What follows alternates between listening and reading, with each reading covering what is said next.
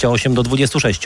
Druga partia to popis Polaków i wygrana 25 do 15. Trzeci set znów niezwykle zacięty. Obie ekipy miały po kilka piłek setowych. Ostatecznie po kapitalnej walce Polacy wygrali 36 do 34. Zatem w setach 2 do 1 dla biało-czerwonych. W czwartej partii jest remis 5 do 5.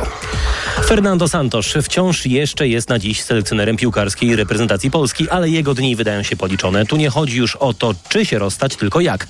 O czym więcej Przemysław Pozowski. Prawie dwie godziny rozmów, a bohaterów spotkania Fernando Santosza i Cezarego Kuleszy ani widu, ani słychu. Jak zawsze w takich przypadkach na białym koniu wjeżdża i oświadczenie wygłasza team manager naszej kadry i rzecznik Piłkarskiego Związku Jakub Kwiatkowski. W skrócie takie. Na pewno nie będziemy mówić o szczegółach e, tego spotkania. Kolejne spotkanie jest przewidziane na ten tydzień. To jednak, że dziś nie zapadła żadna wiążąca decyzja w sprawie przyszłości trenera i polskiej kadry oznacza jedno. Robotę mają prawnicy jednej i drugiej strony i analizują jak najlepiej rozwiązać kontrakt. Kontrakt, o którym w styczniu dumny z zatrudnienia trenera, który z Portugalią wygrał Euro 2016, sekretarz generalny PZPN Łukasz Wachowski mówił tak. Mamy w tym kontrakcie takie momenty, w których możemy rozmawiać o rozstaniu. Santosz Polskę poprowadził do tej pory w sześciu meczach w eliminacjach Euro 2024. Z pięciu trzy przegrał. Przemysław Pozowski, TOK FM. To na pocieszenie, skoro naszej pierwszej kadrze nie idzie. Młodzieżówka wygrała dziś na wyjeździe ze Estonią 1 do 0 po golu Filipa Szymczaka i po dwóch meczach eliminacji do Euro ma komplet punktów. Najlepsza polska łyżwiarka ostatnich lat została zawieszona za złamanie przepisów antydopingowych. Natalia Maliszewska, aktualna wicemistrzyni Europy w short tracku, trzykrotnie nie była dostępna w wyznaczonym czasie do kontroli. A to może oznaczać dłuższą przerwę od startów, nawet dwuletnią, mówił e, TOK FM dyrektor Polskiej Agencji Antydopingowej Michał Rynkowski. Po otrzymaniu e, tego wyroku, co nastąpiło w ostatnich dniach e, i wyklarowaniu e, kwestii tego trzeciego błędu, który został, e, został popełniony przez zawodniczkę, Polada postawiła zarzut zawodniczce i podjęła decyzję o tymczasowym zawieszeniu. Maliszewska w specjalnym oświadczeniu podkreśliła, że nigdy nie przyjmowała żadnych zabronionych substancji. Pogoda. Wieczorem będzie padać i grzmieć na Pomorzu Zachodnim od 27 stopni Celsjusza na wschodzie do 30 na zachodzie, w centrum i na południu kraju. Nad morzem od 25 do 27 stopni. Radio TOK FM. Pierwsze radio informacyjne. Debata TOK FM. Dobry, dobry wieczór. Zapraszam na kolejną przedwyborczą debatę Radio Tok FM. E, Dziś poświęconą transportowi. Bardzo, bardzo ważny temat. W zapowiedzi w TOK 360 mówiłem, że ta kampania wyborcza pod tym względem, pod względem tematu transportu jest wyjątkowa. Wyjątkowo dużo jest na ten temat i bardzo dobrze. Postaramy się to wszystko jakoś zebrać do kupy e, i porozmawiać o najważniejszych e, bolączkach e, transportu. Głównie skupimy się na trzech aspektach. Będzie to wykluczenie komunikacyjne, zielony transport oraz bezpieczeństwo ruchu drogowego. Debatę przygotował i wydaje Michał Tomasik wspólnie z Karoliną Kłaczyńską, a realizuje Krzysztof Woźniak. Krzysztof Olesiewicz, przepraszam, a Krzysztof Woźniak prowadzi. Chociaż też jestem realizatorem, więc stąd ta pomyłka. I o transporcie będziemy dyskutować z przedstawicielami sześciu komitetów e, wyborczych. Są nimi Jerzy Polaczek, Komitet e, Wyborczy Prawo i Sprawiedliwość, numer 5 w okręgu 31 Katowice. Dzień dobry, panie pośle. Kłaniam się, witam serdecznie naszych słuchaczy i witam również e, moich partnerów w debacie. To zdalnie, a w studiu Hanna Gil-Piątek, e, Komitet Wyborczy Koalicji Obywatelskiej, Dzień numer dobry. 20 w okręgu 9 Łódź. Numer Dzień dobry. Ostatnio na liście. Dzień dobry Państwu. Mm, Dobry Ostatni wieczór. czasami są pierwszymi, jak No to właśnie. się mówi. E, Również w studiu Paulina Matysiak, Koalicja Komitet Wyborczy Lewicy, numer 1 w okręgu 11 Sierac. Dzień dobry pani poseł. Zgadza się. Dobry wieczór. Zdalnie Dobromir Sośnierz, Komitet Wyborczy Konfederacji, numer 4 w okręgu 18 Siedlce. Dzień dobry panie pośle. Dzień dobry, witam. Szkoda, że nie ma pana z nami. Bardzo, bardzo żałuję, e, bo wiem, że miał pan być, ale coś tam nie poszło. E, Lepiej się rozmawia, gdy w studiu wszyscy są. E, W studiu z kolei jest Mikołaj Dorożała, Komitet Wyborczy Trzecia Droga, numer 2 w okręgu 11 Sierac. Dzień dobry. Dzień dobry, dobry wieczór Państwu. Oraz zdalnie Tymoteusz Myrda, Komitet Wyborczy Bezpartyjni Samorządowcy, Senacki Okręg numer 3 Legnica. Dzień dobry. Dobry wieczór, witam serdecznie. Zanim jednak przejdziemy do kwestii związanych e, z transportem, to muszę Państwa zapytać o najnowszy sondaż przygotowany przez e, Ipsos dla TokFM.pl oraz e, Okopres. W nim, jeżeli oczywiście wybory odbyłyby się dzisiaj, to Prawo i Sprawiedliwość ma 35% głosów i jest to wzrost o 2 punkty procentowe w stosunku do czerwcowego naszego sondażu. Koalicja Obywatelska 26, mniej o 5 punktów procentowych, Konfederacja 8, mniej o 4 punkty procentowe, Lewica 8%, tutaj bez zmian, Trzecia Droga 6%, tutaj 1 punkt w dół, bezpartyjni samorządowcy 1 procent i to jest debiut w naszym, w naszym sondażu. Niezdecydowani i to jest myślę bardzo ważny element tego sondażu, 14 i tutaj aż plus 8 punktów e, procentowych. E, frekwencja 68% e, deklaruje zamiar oddania głosu, w tym 58% jest zdecydowanych, 10% nie wie, czy dokładnie zagłosuje. Zmiana odnośnie czerwca, 68% zamiar oddania głosu, tu się nic nie zmieniło z tym, że 59 było niezdecydowanych, 9% nie wiedziała, czy e, zagłosuje. Krótki komentarz. E, Jerzy Polaczek, Prawo i Sprawiedliwość, 2%, e, 2 punkty procentowe więcej. Jak pan to widzi? Myślę, że mm, to jest odpowiedź y, y, części opinii publicznej na to, co Prawo i Sprawiedliwość y, prezentuje w ostatnich kilkunastu dniach. To jest przecież tylko fragment programu i politycznego, ale przede wszystkim i społecznego, i tej części gospodarczej, w tym również infrastrukturalnej. Myślę, że dla tych, którzy chcą zapoznać się z treścią E, która jest e, zawarta w całym programie mm, wyborczym, mogą sięgnąć do internetu i e, natrafią na 300-stronicowy dokument, dlatego że jest, myślę, dla nas rzeczą oczywistą, że idzie się do wyborów z polityką konkretu, a nie z polityką pustych haseł i przede wszystkim ta polityka konkretu powinna być również oparta o E, coś, co myślę każdy z wyborców, niezależnie od tego, na jaką partię głosuje, szuka, czyli na wiarygodności e, danego, danej formacji politycznej, czyli tego realnego związku między wypowiadanymi słowami a czynami, a później e, determinacji w ich realizacji. Oczywiście nic nie jest e, idealne, natomiast na pewno wiarygodność jest e, w realizacji zapowiedzi programowych Prawa i Sprawiedliwości, myślę, silną stroną, którą ludzie E, w znaczącej części, myślę, opinii To dzisiaj skupimy się na części, czyli na transporcie, ale najpierw ta, ta, te sondaże. Hanna Gil-Piątek, 5 e, punktów procentowych mniej, to sporo. No tak, ale ten sondaż nie był robiony po ostatniej sobocie, tylko wcześniej troszkę, tak? Bo w ostatnią sobotę były, były konwencje partyjne, na których my pokazaliśmy 100 konkretów. Ale był po marszu 4 czerwca robiony. Tamten tak i dlatego była górka.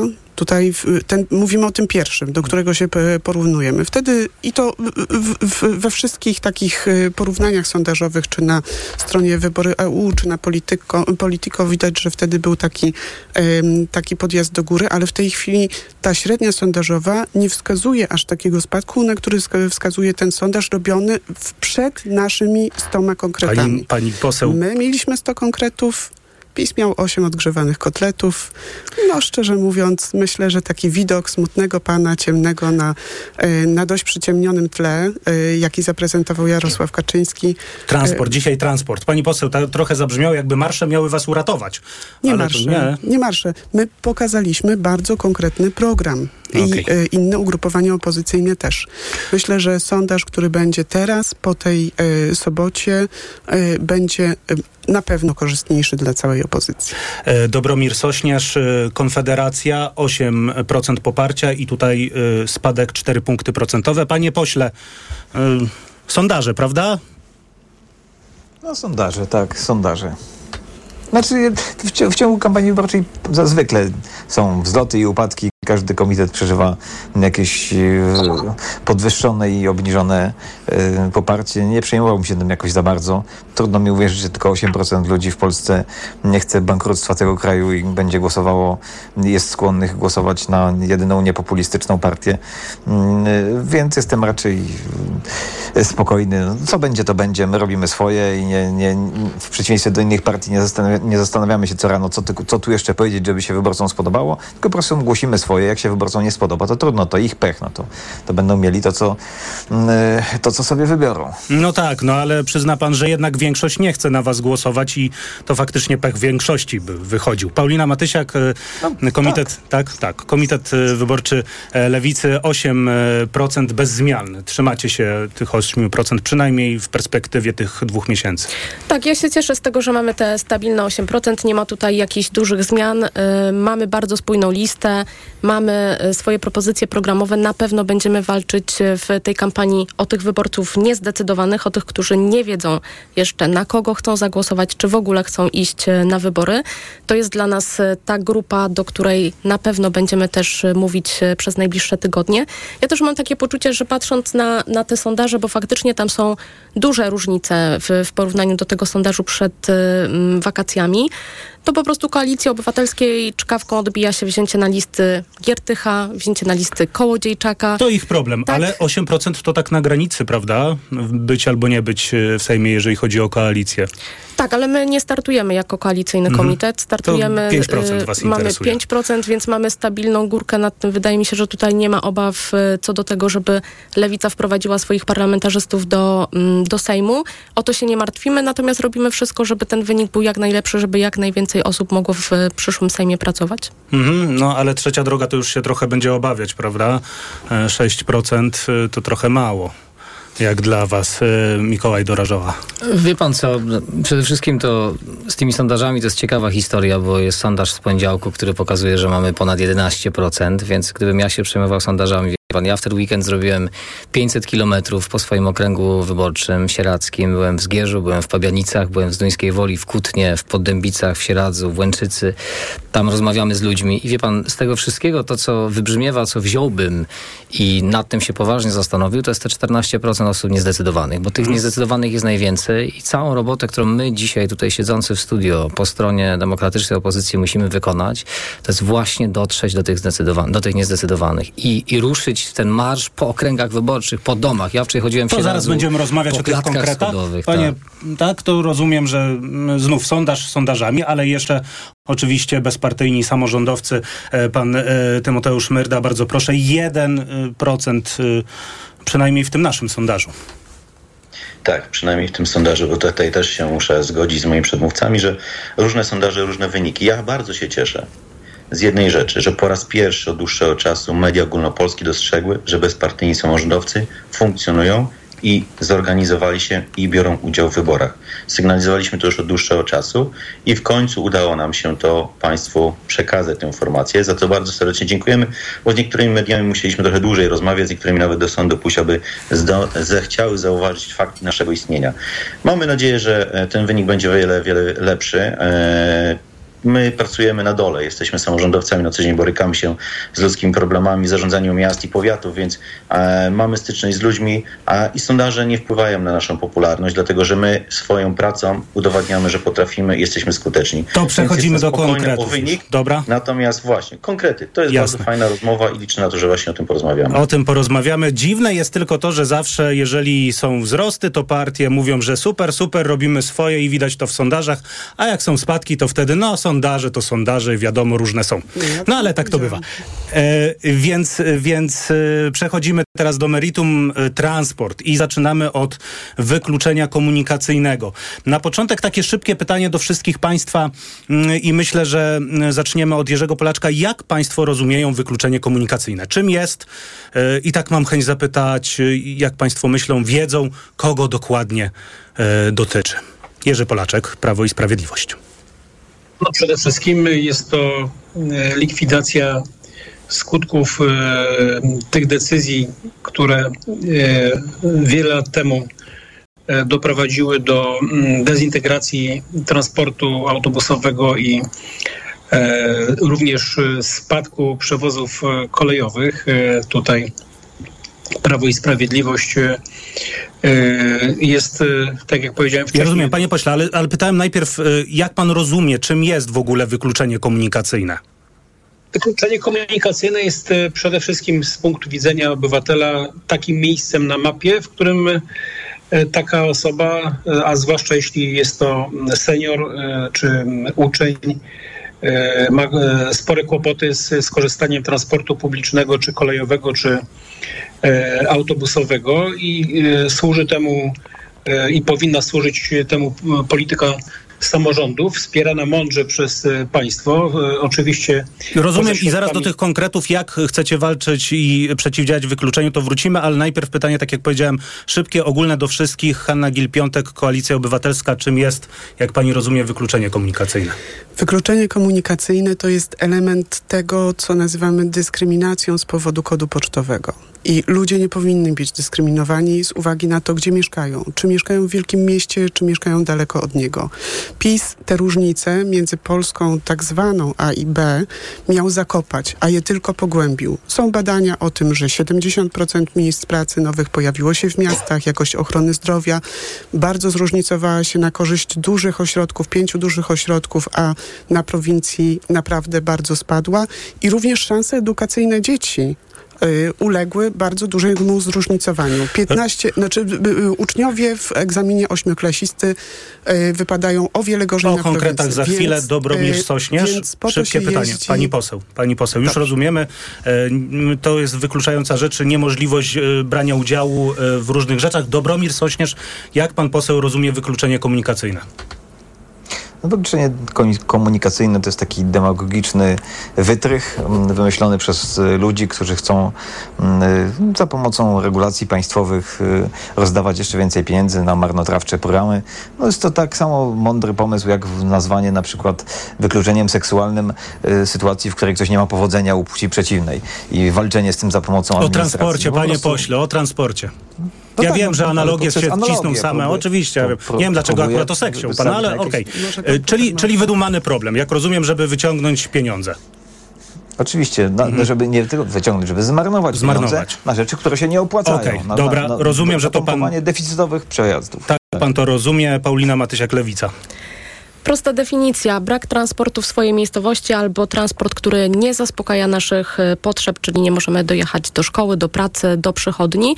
I myślę, że gdybym miała wskazywać jakieś konkretne grupy, które są najbardziej narażone na to e, wykluczenie transportowe, to wskazywałabym osoby starsze, seniorów, e, młodzież szkolną, studentów, bo ta młodzież, która chodzi do szkół podstawowych, ten transport ma zapewniony na mocy y, ustawy, ale oczywiście to nie oznacza, że osoby w innym wieku y, takiego wykluczenia doświadczać nie mogą. Mikołaj Dorożała, Komitet Wyborczy Trzecia Droga, bardzo proszę. Czym jest wykluczenie komunikacyjne, jak pan to rozumie? Wykluczenie komunikacyjne to jest przede wszystkim utracona szansa. Zgadzam się z tym, co powiedziała posłanka przede mną tutaj, Matysiak. To jest właśnie utracona szansa dojazdu do szkoły, dojazdu do pracy, dojazdu do lekarza lekarza. Mówimy o 14 milionach ludzi w Polsce, których dotyka ten problem. Oczywiście głównie małych gmin. To jest y, temat chociażby w gminie Buczek w powiecie łaskim, gdzie ostatnie połączenie w weekend zostało utracone. To jest kwestia pociągu raz na trzy godziny w gminie Błaszki w powiecie sieradzkim. To jest niemożliwość dojechania swobodną komunikacją z Łowicza do Pajęczna w linii y, północ-południe. Wie pan, to, są, to jest wyzwanie i to jest problem ludzi starszych, ludzi pozbawionych możliwości jazdy samochodem, ale także młodych ludzi, którzy na przykład pracują w gastronomii, wracają o 23, okay. nie ma PKS. Okej, okay, rozumiem. Tymoteusz Merda, bezpartyjni samorządowcy, wykluczenie komunikacyjne to? Wykluczenie komunikacyjne to składowa wykluczenia społecznego. Tak naprawdę to jest utracona szansa, właśnie szansa młodego człowieka na lepszą edukację. To jest wykluczenie spowodowane i utratą szansy dotarcia do ośrodka zdrowia przez osobę starszą. A to też jest zatrzymanie osoby niepełnosprawnej, gdyż rodzice nie są w stanie dowieść go do warsztatów terapii zajęciowej. I właśnie te wykluczenia powodują, że ci ludzie utracą, tracą szansę. I oni nie są dzieleni ze względu na status ekonomiczny czy też na wiek. I oni tak naprawdę zostają w swoim zamknięciu w czterech ścianach, bo władza nie jest w stanie zorganizować, samorząd, rząd nie są w stanie tak e, współdziałać, aby zorganizować im możliwość wyjścia z czterech ścian i otwarcie na się na świat. I z takimi wykluczeniami społecznymi nie walczymy na poziomie tylko regionów, ale również na poziomie powiatów, bo miejscowości oddalone nawet o 10 km od siebie to też czasami jest odległość nie do przebycia dla młodego Jasne. człowieka lub Dobra, starszej. to teraz przechodzimy jak e, przeciwdziałać wykluczeniu komunikacyjnemu. E, zacznę od pana posła Sośnierza, bo pan powiedział, że właściwie to e, jest powód do zmarnowania pieniędzy, ale to tylko e, dane. 11 tysięcy sołectw nie ma dostępu do komunikacji publicznej, czy to autobusowej, czy, czy kolejowej, a to oznacza z różnych szacunków, że nawet 14 milionów Polaków może nie mieć dostępu do transportu publicznego. Ja rozumiem, że Pana zdaniem to się samo jakoś ureguluje, czy jak to jest u Pana? Nie uważa Pan, że to jest problem?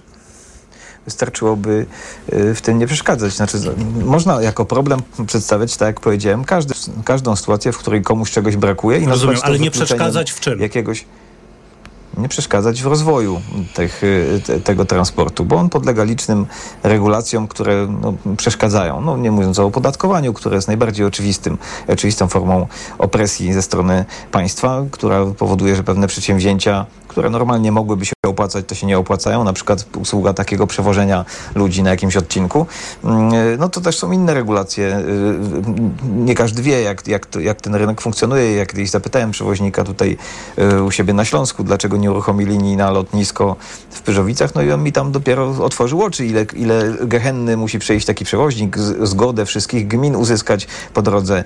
Te gminy, no nie bez powodu tam sprzyjają jednym przewoźnikom, na przykład drugim nie. No gdyby tych wszystkich regulacji nie było, gdybyśmy wprowadzili autentycznie wolny rynek, to przynajmniej część tego problemu by się rozwiązała. To, to proszę o taki dwa, dwa konkrety. Który, to, to, rozumiem brak, nie wiem, VAT-u y, dla przewoźników. Y, jak to miałoby o, wyglądać? Jeden taki Nie, konkret. no my zmierzamy, zmierzamy nie, to, to, to, to jest oczywiście zła droga, żeby akurat dla przewoźników nie było VAT-u czy coś takiego. Nie, my zmierzamy do, do, do dogłębnej deregulacji całej gospodarki, w tym również y, transportu, tak? Więc jeśli zmniejszenie opresji fiskalnej i regulacyjnej nastąpi również tutaj, no to również i tutaj spodziewamy się, że pewne rzeczy, które się... Zresztą kiedyś były takie minibusy na przykład w miastach i je również zwalczano intensywnie, bo robiły, jak to twierdzono, nieuczciwą konkurencję autobusom y, i na przykład zabraniono im ko- ko- korzystać z przystanków publicznych i wieszać swoich rozkładów. No to jest forma, próba monopolizacji, wycinania z rynku niewygodnych podmiotów. Więc państwo y, zajmujące się tym nie tylko mm, nie, nie rozwiązuje tego problemu, ale przeszkadza go rozwiązać. Rozumiem. Uwolnienie rynku, uwolnienie rynku i e, te zabójcze podatki e, i cały system. Hanna Gil-Piątek, e, Koalicja Obywatelska, przewozy autobusowe, e, brak, brak ich. Ja tylko dodam, że właściwie przez pryzmat ostatnich 10 lat to właściwie każda partia, każdy rząd miał coś tam za uszami, jeżeli chodzi o niszczenie transportu publicznego. My jako tak 80 bodajże, jeżeli dobrze pamiętam konkret, zaproponowaliśmy y, w to, żeby po prostu y, usługi transportu zbiorowego były zwolnione z VAT-u. Tak na początek. Tak na początek. Ja na przykład myślę, że znaczy ja osobiście, tak, to nie jest program partii, y, myślę, że y, można by było pomyśleć o takim wspólnym bilecie, jak był w Niemczech. Trzeba by to było dobrze policzyć. A ile by pomysł. stracił budżet na Natomiast- zwolnieniu właśnie z VAT-u przewoźników? Natomiast y, kontynuując, bo Ale to proszę, bo, bo bardzo mnie to interesuje. Jaki to by był mniejszy wpływ do budżetu, gdyby zwolniono z VAT-u e, przewoźników? Pojawiają się te pytania, więc y, przedstawi, znaczy te konkrety oczywiście są policzone. Ja w tej chwili no, nie przedstawię tego panu Szkoda. redaktorowi, ale Nie mi, nie mamy mi. policzone, że to się spina i tutaj nie ma wątpliwości, że też jeżeli chodzi o przychody te, tych wszystkich postulatów, które przedstawiliśmy, stać nas na to i y, jest to jeden z najważniejszych postulatów. Ludzie muszą jeździć taniej. Jasne. Jerzy Polaczek, Prawo i Sprawiedliwość.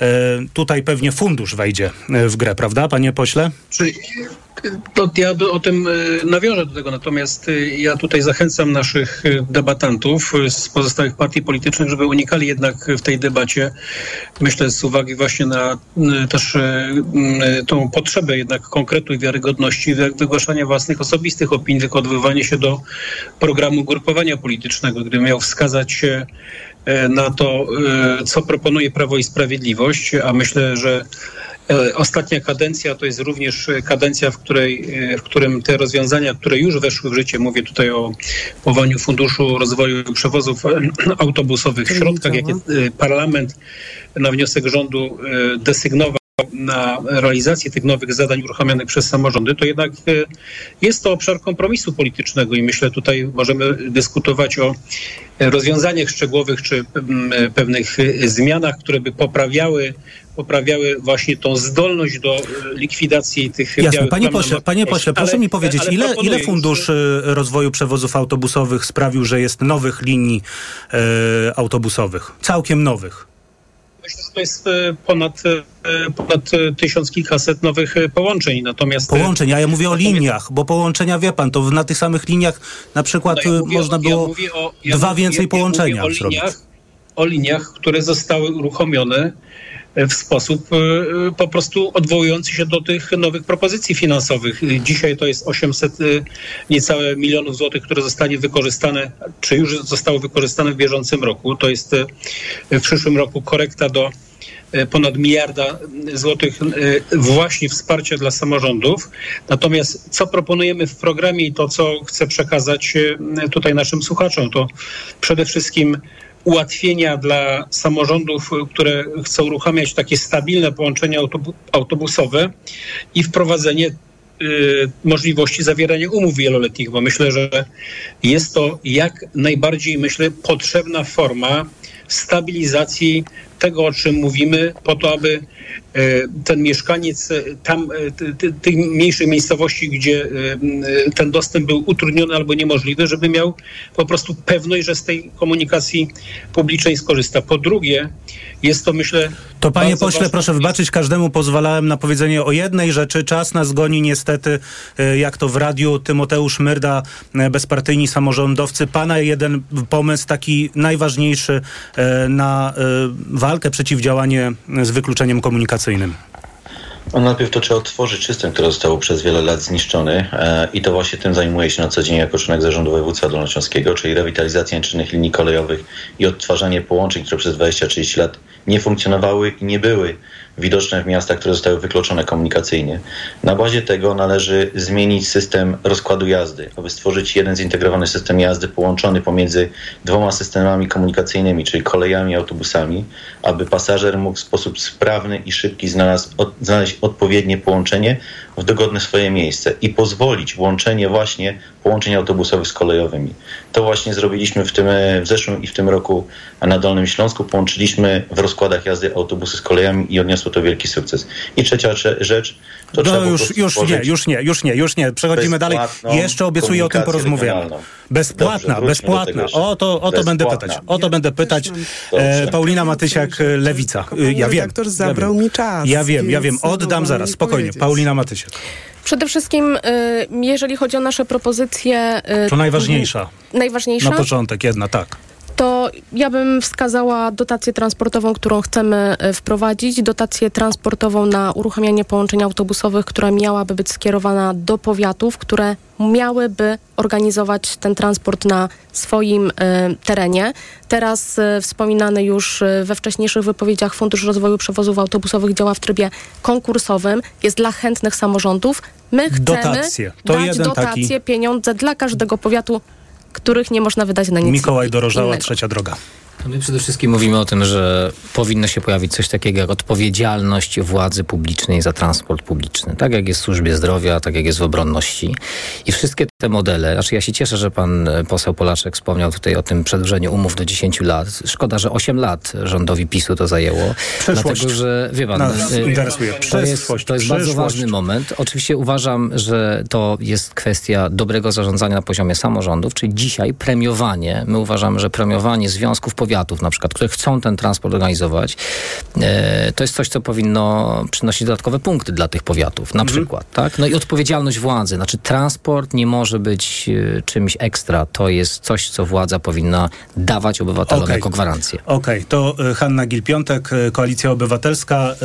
Minimum przewozów minimum, e, e, które trzeba wprowadzić, żeby te przewozy Tak. autobusowe funkcjonowały Sporo z nas obecnych tutaj pracuje w Komisji Infrastruktury. My się zawsze co do tego funduszu przewozów autobusowych Wszyscy posłowie, zgadzaliśmy, w Komisji tak, Infrastruktury. zgadzaliśmy, że on powinien działać. I w nim nie było na początku 300 milionów, podwyższyliśmy to do, do 800. Rzeczywiście tam powinno być więcej pieniędzy, ale też ten mechanizm jest zawodny. Ja bym poprawiła ten mechanizm. To jest rzeczywiście coś, co jest absolutnie do poprawienia, bo e, no, nie, e, samorządom jakoś się to nie opłaca. Tak? Nie korzystają z tego czasami, nie wiadomo dlaczego. Nie wszystkie wnioski są rozpatrywane pozytywnie. Poza tym trzeba mieć po czym dojechać. I tutaj Rządowy Fundusz Dróg, który był kiedyś e, e, Funduszem Dróg Samorządowych, jest w 5% aż rocznie do dyspozycji pana premiera.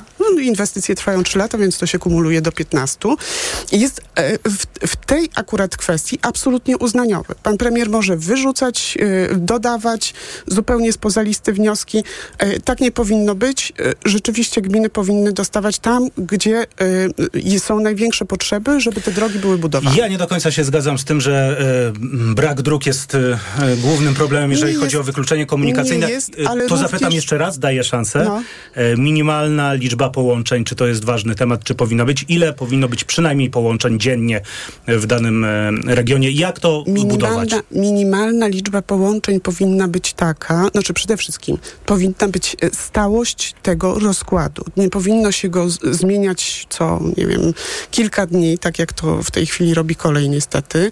E, Te dojazdy powinny być nie tylko dwa razy dziennie, bo są takie linie uruchomione na przykład o, w, między em, Łodzią a Drzewicą, e, gdzie w, ten pociąg dojeżdża tak naprawdę tak rzadko, że ludzie z niego nie korzystają. To powinno być tak często, żeby ludzie nauczyli się, przestawili się z powrotem, bo oni się nauczyli albo jeździć, y, nie wiem, z sąsiadami, samochodami, albo po prostu nie, nie wychodzą z domu. Powinien być Czasami też stabilny. tak jest. Okej. Te, te rozkłady powinny być stabilne i dostosowane do potrzeb lokalnej społeczności, bo jeżeli ona jest starsza, panie redaktorze, to ci lu- ludzie będą częściej, seniorzy będą częściej jechać do lekarza. Jeżeli to jest młodzież w wieku szkolnym, to będzie potrzebowała skorzystać z szans w dużych rozumiem. edukacyjnych. Liczba połączeń Po to- dostosowana do miejsca i do potrzeb e, ludzi, którzy będą ale korzystać. stała, regularna i naprawdę te rozkłady powinny być no, e, pewnego rodzaju świętym przymierzem z lokalną Okej. społecznością. Nie E, powinny fruwać w cały świat. Dobromir Sośnierz, Konfederacja. Panie pośle, co pan sądzi na temat dotacji, o których mówiła posłanka Matysiak?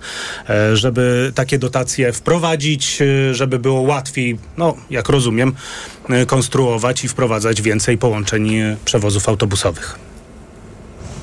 Ten system jest jeszcze bardziej absurdalny niż ten obecny, no bo obecnie mamy dotacje na wniosek pod jakiegoś podmiotu, który uważa, że to mu jest potrzebne, no a Lewica chce uszczęśliwiać już wszystkich po prostu, nawet jak oni nie chcą, to będzie im wciskać i zróbcie jakieś tam połączenia autobusowe. Wydajcie te pieniądze, koniecznie wydajcie te pieniądze, macie tu pieniądze, musicie je wydać.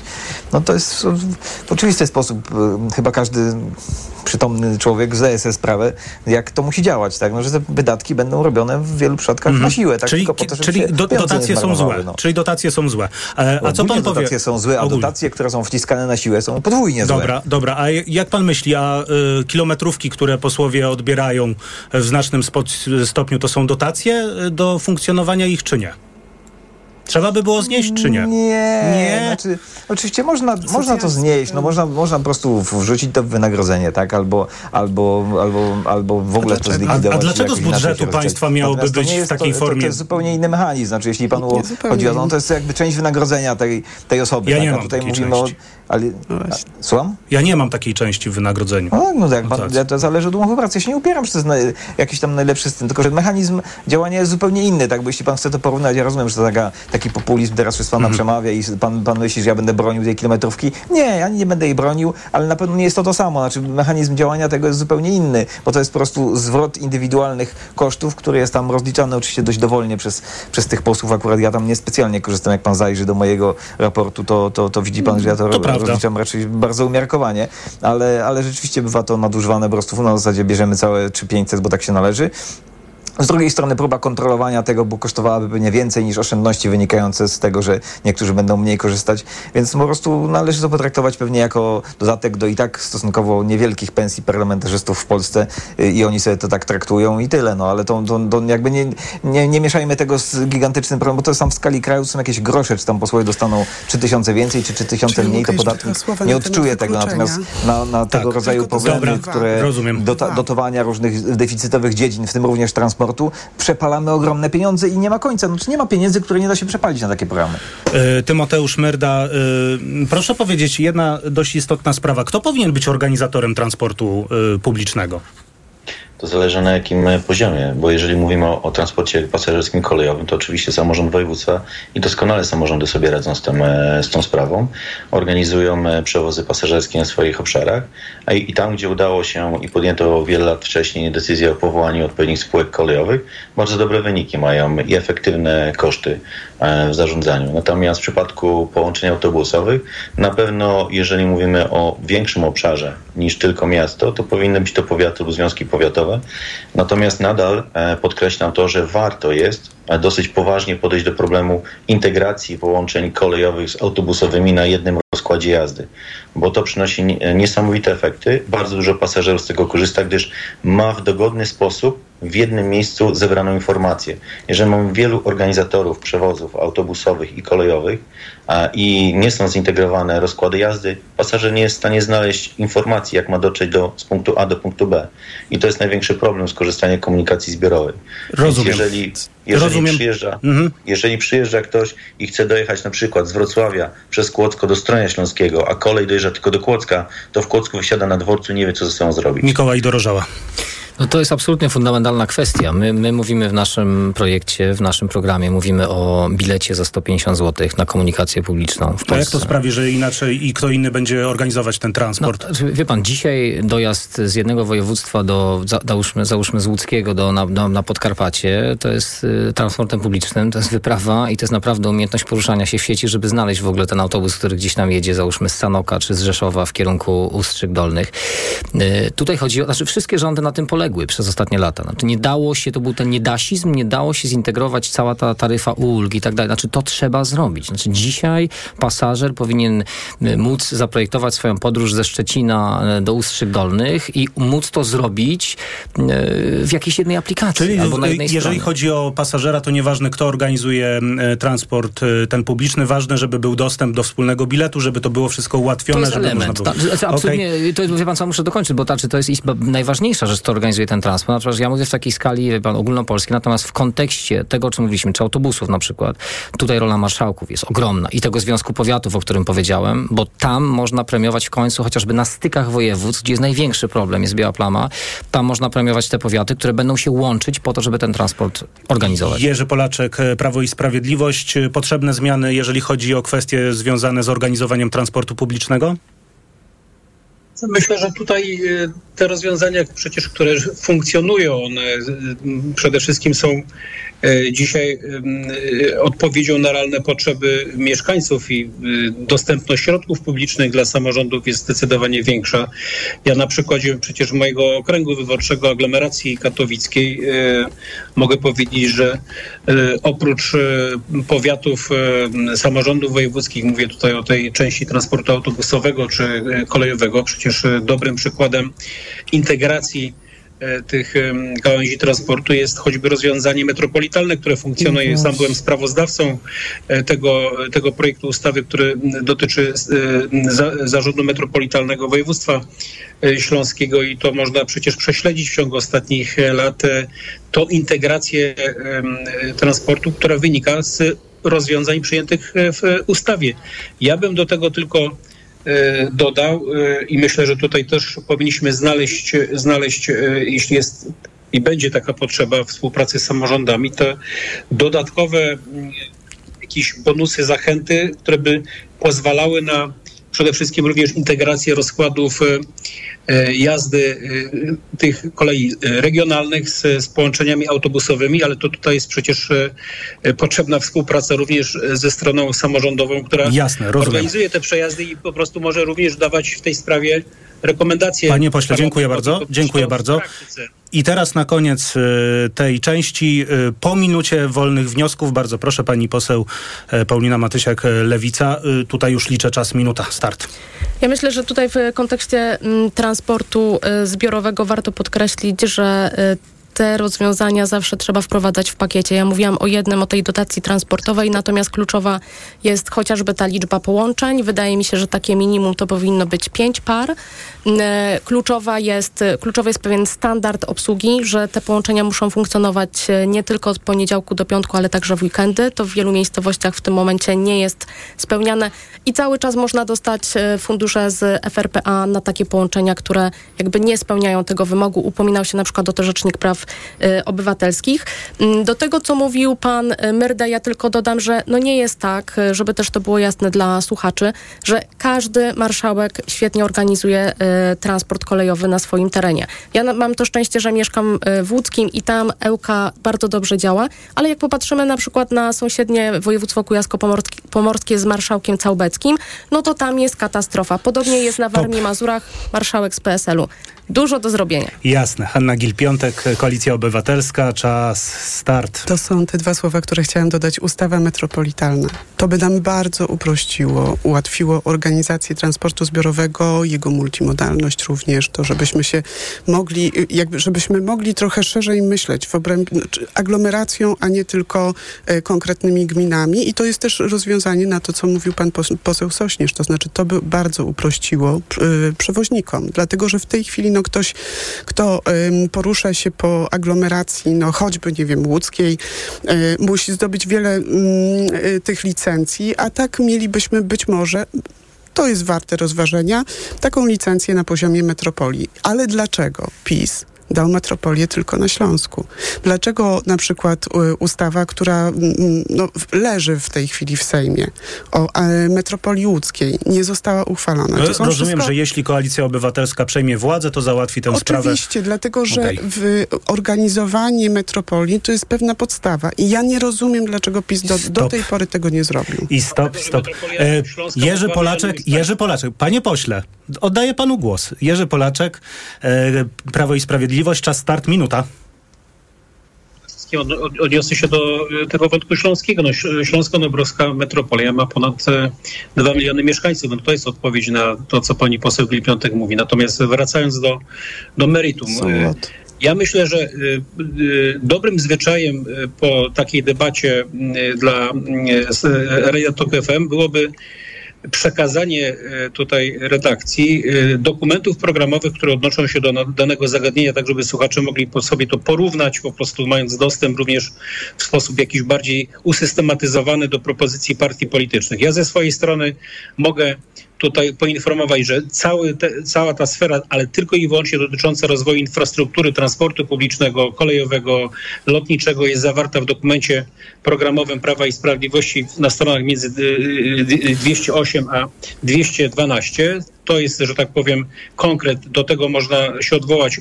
Myślę również, i to podkreślam z naciskiem, że sfera transportu publicznego jest również sferą politycznego kompromisu. Czas, stop, tak. to, co w ostatnich latach zrealizował PiS, jest polityką konkretną, odpowiedzią na realne Dobra, dziękuję, dziękuję, dziękuję bardzo. E, Tymoteusz Merda, bezpartyjni samorządowcy, e, wolna wypowiedź dotycząca wykluczenia komunikacyjnego. Minuta, czas start. Tak jak powiedziałem, przywracanie już nieczynnych linii kolejowych i e, e, przywracanie połączeń e, kolejowych pasażerskich, a tak, aby umożliwić mieszkańcom przemieszczanie się po regionie, integracja ich z komunikacją autobusową i to, co najważniejsze, e, zintegrowany rozkład jazdy. Natomiast najważniejsza rzecz to kwestia, o której żeśmy jeszcze nie mówili, o bezpłatnej komunikacji regionalnej. Ale samorządy nie potrzebują żadnych dotacji, żadnych dodatkowych zachęt, żadnych innych dodatkowych pieniędzy z jednej czy z drugiej kubki. Czas najwyższy uporządkować finanse publiczne i tak naprawdę dopuścić samorządy do podatku VAT-owego.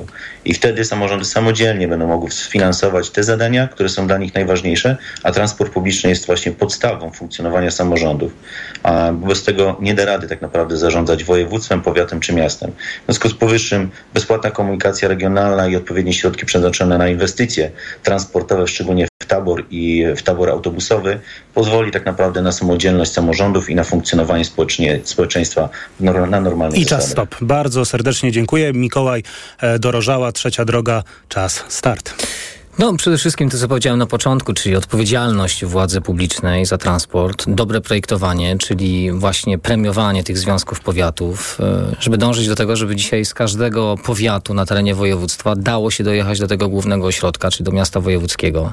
Bo nawet z tym jest problem, żeby nie było takiej sytuacji jak w Wieruszowie w województwie łódzkim, gdzie nie ma ani jednego autobusu do Łodzi, łatwiej się dostać do Wrocławia, chociaż to jest inne województwo. E, I przede wszystkim jakby uświadomienie sobie też e, skali tego problemu, no bo bo mam wrażenie, że mimo jakichś dobrych chęci tutaj chociażby rządu Prawa i Sprawiedliwości, to i tak ten problem nie został nawet w połowie rozwiązany, ani nawet nie zbliżyliśmy się do tego, co powinniśmy zrobić w ciągu najbliższych lat, żeby wyciągnąć 14 milionów Polaków e, z zapaści komunikacyjnej. I dzisiaj mamy sytuację takie jak chociażby w Pabianicach, gdzie wraca tramwaj po wielu latach i ludzie się cieszą z tego, że ten tramwaj wraca, bo, ludzie chcą jeździć transportem publicznym. E, Duże miasta mają zdecydowanie lepszą sytuację, jak Łódź czy Warszawa, bo ten transport I działa. Małe gminy, małe powiaty, to jest to, na czym powinniśmy się dzisiaj skupić. I na koniec Dobromir Sośnierz, Konfederacja. Minuta wolnego, dowolnej wypowiedzi, jeżeli chodzi o wykluczenie komunikacyjne. Bardzo proszę, panie pośle. Ja myślę, że ludzie przede wszystkim chcą jeździć własnymi samochodami, do czego wytrwale y, zmierzają pozostałe wszystkie partie, żeby im to utrudnić i żeby im tego y, wręcz nawet czasem zabronić. Y, podatki y, zabierane ludziom, żeby ich nie było stać na te samochody, akcyzy nakładane na sprawdzone samochody, rozmaite opłaty, które trzeba unosić, podatki w paliwie zawarte, mandaty, które są tak, tak naprawdę podatkami od pecha za jeżdżenie normalnie, zakazy wjazdu do centrów, które są planowane, duszenie gospodarki poprzez certyfikaty, licencje, żeby te przewozy nie powstawały, y, podnoszenie wymogów regulacyjnych, na przykład dla Ubera, za czym wszyscy ci politycy tutaj y, głosowali, no wyjątkiem bezpartyjnych samorządowców, których nie ma w Sejmie. I tak generują problem, który potem bohatersko ci politycy próbują rozwiązywać poprzez zabieranie jeszcze więcej pieniędzy tym, tym podatnikom, uruchamianie dopłat do czegoś, co się nie opłaca. No i co tu może pójść nie tak? I tak myślę, że możemy podsumować tę utopijną, bezsensowną dyskusję ludzi, którzy sami tworzą problem, a potem go próbują rozwiązywać na cudzy koszt. E, Rozumiem, żeby nie utrudniać jazdy własnym samochodem. To jest postulat walki, e, jak można przeciwdziałać wykluczeniu komunikacyjnemu. Bardzo serdecznie, serdecznie dziękuję za tę część. Przechodzimy do kolejnej części, czyli tak zwany zielony transport i zaczynamy od tego, który kończył Dobromir Sośnierz. Czy dobrym pomysłem i też szybkie odpowiedzi akurat, jeżeli chodzi o to pytanie, czy dobrym pomysłem, e, wiem jaka pewnie będzie odpowiedź, jest wprowadzenie stref czystego transportu, bo e, już pan trochę o tym powiedział, ale bardzo proszę. No, no właśnie to jest sposób na, na wykluczanie komunikacyjne osób, których nie stać na nowoczesne elektryczne auto, które wprawdzie nie jest wcale bardziej ekologiczne, jeśli to się dobrze policzy, no ale jest droższe. Y, Producenci tych aut zapłacili tyle miliardów łapówek różnym politykom unijnym, że no nie może teraz to zostać tak bez, y, bez efektu. W związku z tym jest to właśnie sposób na tworzenie wykluczenia transportowego, jeśli w ogóle trzymamy się tej lewicowej terminologii. E, Rozumiem. Jerzy Polaczek, Prawo i Sprawiedliwość, strefy czystego transportu. Dobry pomysł, zły. Mm, No zawsze trzeba to realizować w dialogu z społecznościami e, tutaj e, samorządowymi i myślę, że to jest proces, e, który, który będzie w sposób, myślę, naturalny postępował. Natomiast ja zwracam uwagę na jeden istotny aspekt, którym do dzisiaj, gdzie w dyskusji on jeszcze nie wybrzmiał, myślę, dostatecznie silnie, że rozwinięty i dobrze zorganizowany transport publiczny, autobusowy czy kolejowy przede wszystkim poprawia bezpieczeństwo w transporcie, ogranicza ilość wypadków. To o e, bezpieczeństwie porozmawiamy jeszcze. tak Na razie dalej, ten tak zielony dalej. transport. Także z Mhm. punktu widzenia, z punktu widzenia, e, z punktu widzenia e, e, pewnego postulatu, to oczywiście każdy z nas dąży do tego, żeby ten transport był, bardziej ekologiczny, a z drugiej strony musi to wymagać e, w sposób e, oczywisty e, ciągłego dialogu z partnerami Rozumiem, społecznymi, rozumiem. po prostu nie doprowadzać do różnych absurdów, które mogą być wyni- wynikiem nieodpowiedzialnych działań. Dziękuję bardzo. Hanna Gil-Piątek, Koalicja Obywatelska, Obywatelska Strefy Czystego Transportu. Jest to na pewno pewien sposób jakby uporządkowania przestrzeni czy miast tak, żebyśmy no, nie, nie byli y, jedynie po prostu zastawieni samochodami zatruci. Jednocześnie ludzie tymi samochodami jeżdżą. To zawsze musi być obszar pewnej negocjacji, a nie wymuszenia przez y, władze y, pewnych rozwiązań, które nie są akceptowalne społecznie. To znaczy, jeżeli lokalna społeczność takich stref czystego y, transportu chce, albo stref uspokojonego ruchu, to w porządku. Mnie naprawdę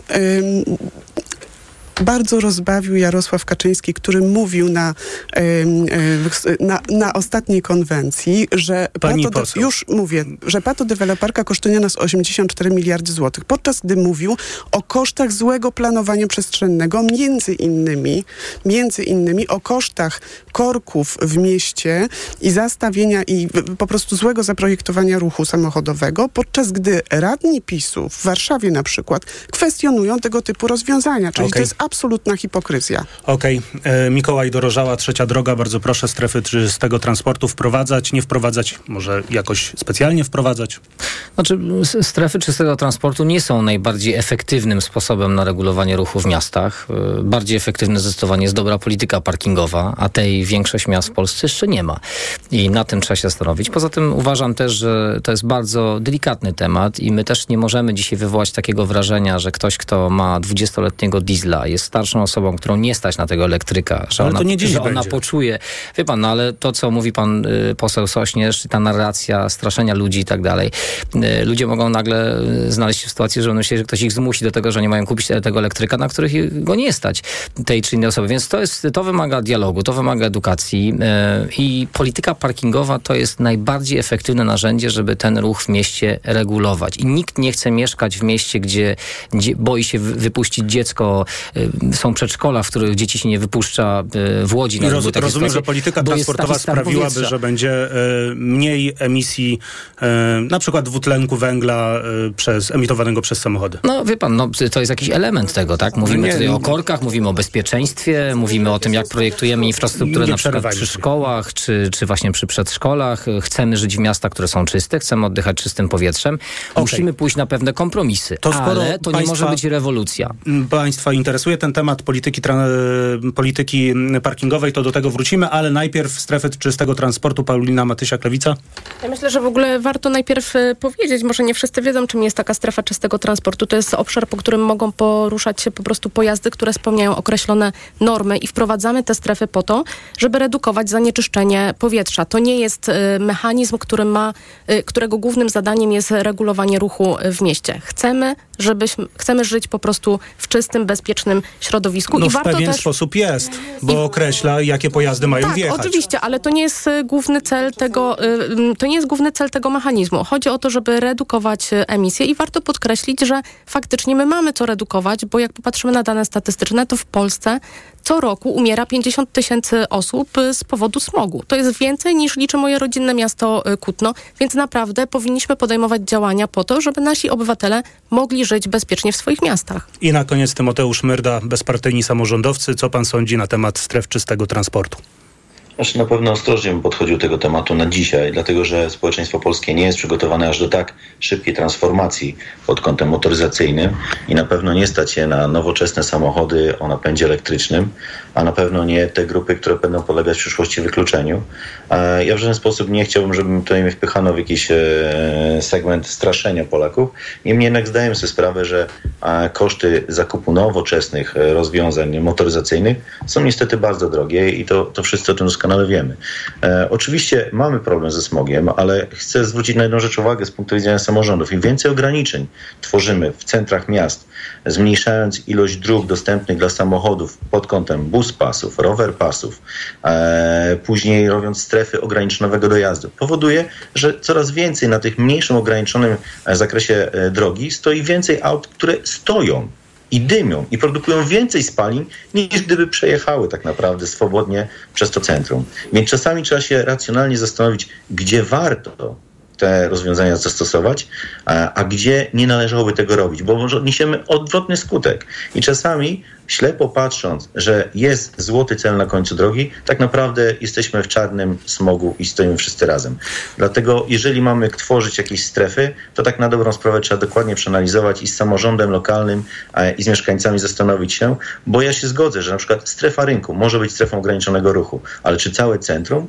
Ono nie jest czasami przygotowane pod takie typu rozwiązania i należałoby je dosyć mocno przebudowywać, ale zabudowa jest gęsta. Dziękuję bardzo, dziękuję bardzo. I tak jak obiecałem, e, zbliżają się co prawda informacje Radia Tok FM, więc e, chwila oddechu dla nas tutaj wszystkich i po nich powrócimy Dobrze, niech będzie. Polityka parkingowa, jak y, Państwa to zaciekawiło, mm, jak najbardziej ja jestem za. Jerzy Polaczek, mm, Prawo i Sprawiedliwość, Hanna Gil-Piątek, Koalicja Obywatelska, Paulina Matysiak, Lewica, Dobromir Sośnierz, Konfederacja, Mikołaj Dorożała, Trzecia Droga, Tymoteusz Merda, bezpartyjni samorządowcy. Ja tylko szybko jeszcze powiem, że oczywiście czekamy na Państwa pytania. Można pisać na e, maila debatamałpatok.fm, debatamałpatok.fm lub komentować e, pod odpowiednim wpisem na profilu Radia Tok FM e, na Facebooku. Zbliżają się informacje, tak jak powiedziałem, za e, dwie i pół minuty i po nich wrócimy do naszej debaty.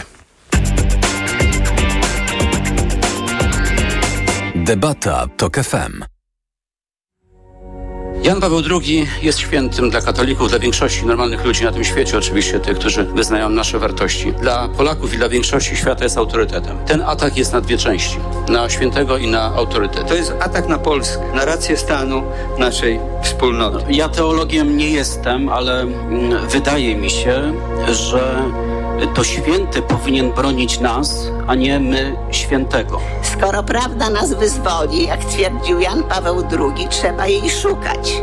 No szkoda, że robią to dziennikarze. Wykreślcie wszystkie bzdurne akapity, a dopiszcie zdanie, że wyrazem największej czci dla świętego będzie wypłacenie odszkodowań dla dzieci molestowanych przez księży. Radio TOK FM. Pierwsze radio informacyjne. Posłuchaj, aby zrozumieć. My wiemy, o co zapytać. Nie było zaproszenia, czy pan nie świętuje? Zadowolona pani z otwarcia szkół? A były jakieś zdania odrębne w rządzie? To za co dokładnie Warszawa ma zapłacić rządowi? Sprawdź, czy oni wiedzą, co odpowiedzieć. Poranek Radia TOK FM. Od siódmej do dziewiątej. Zaprasza Maciej Głogowski. Reklama. Pijąc alkohol, sam sobie robisz krzywdę. To przemoc wobec zdrowia. Pamiętaj, że nie ma bezpiecznej dawki alkoholu. Każdy łyk to cios dla Twojego organizmu. Nie trzeba się upijać, by znacząco zwiększyć ryzyko wystąpienia wielu groźnych chorób. Nawet najmniejsze porcje alkoholu przyczyniają się do zachorowania na raka jamy ustnej, gardła, przełyku, krtani, wątroby i piersi u kobiet. Nie utop zdrowia w alkoholu. Więcej na planujedługieżycie.pl. Kampania Ministerstwa Zdrowia. Gdy za oknem zawierucha, cierpi na tym nos malucha. Słychać już sapanie noska. Mamę więc wypełnia troska. Aromactive przecież mamy. Do piżamki przyklejamy. Aromactive plaster mały. Wnet uwalnia zapach cały. I troskliwie nos otacza. Lekki oddech szybko wkracza. Uratować nos i noc może tylko plastra moc. Aromactive zmniejsza troski. Pielęgnuje małe noski. Dostępny w aptekach. Reklama. Radio TOK FM. Pierwsze radio informacyjne. Wtorek, 12 września, minęła 21.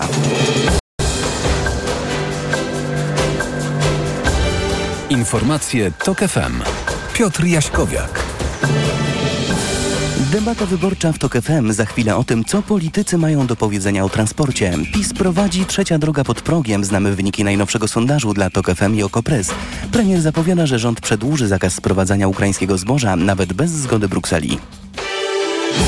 Kandydaci na posłów debatują w TOK FM o transporcie. Nawet 14 milionów Polaków nie może korzystać z publicznych autobusów i pociągów, co oznacza, że dotyka ich wykluczenie komunikacyjne.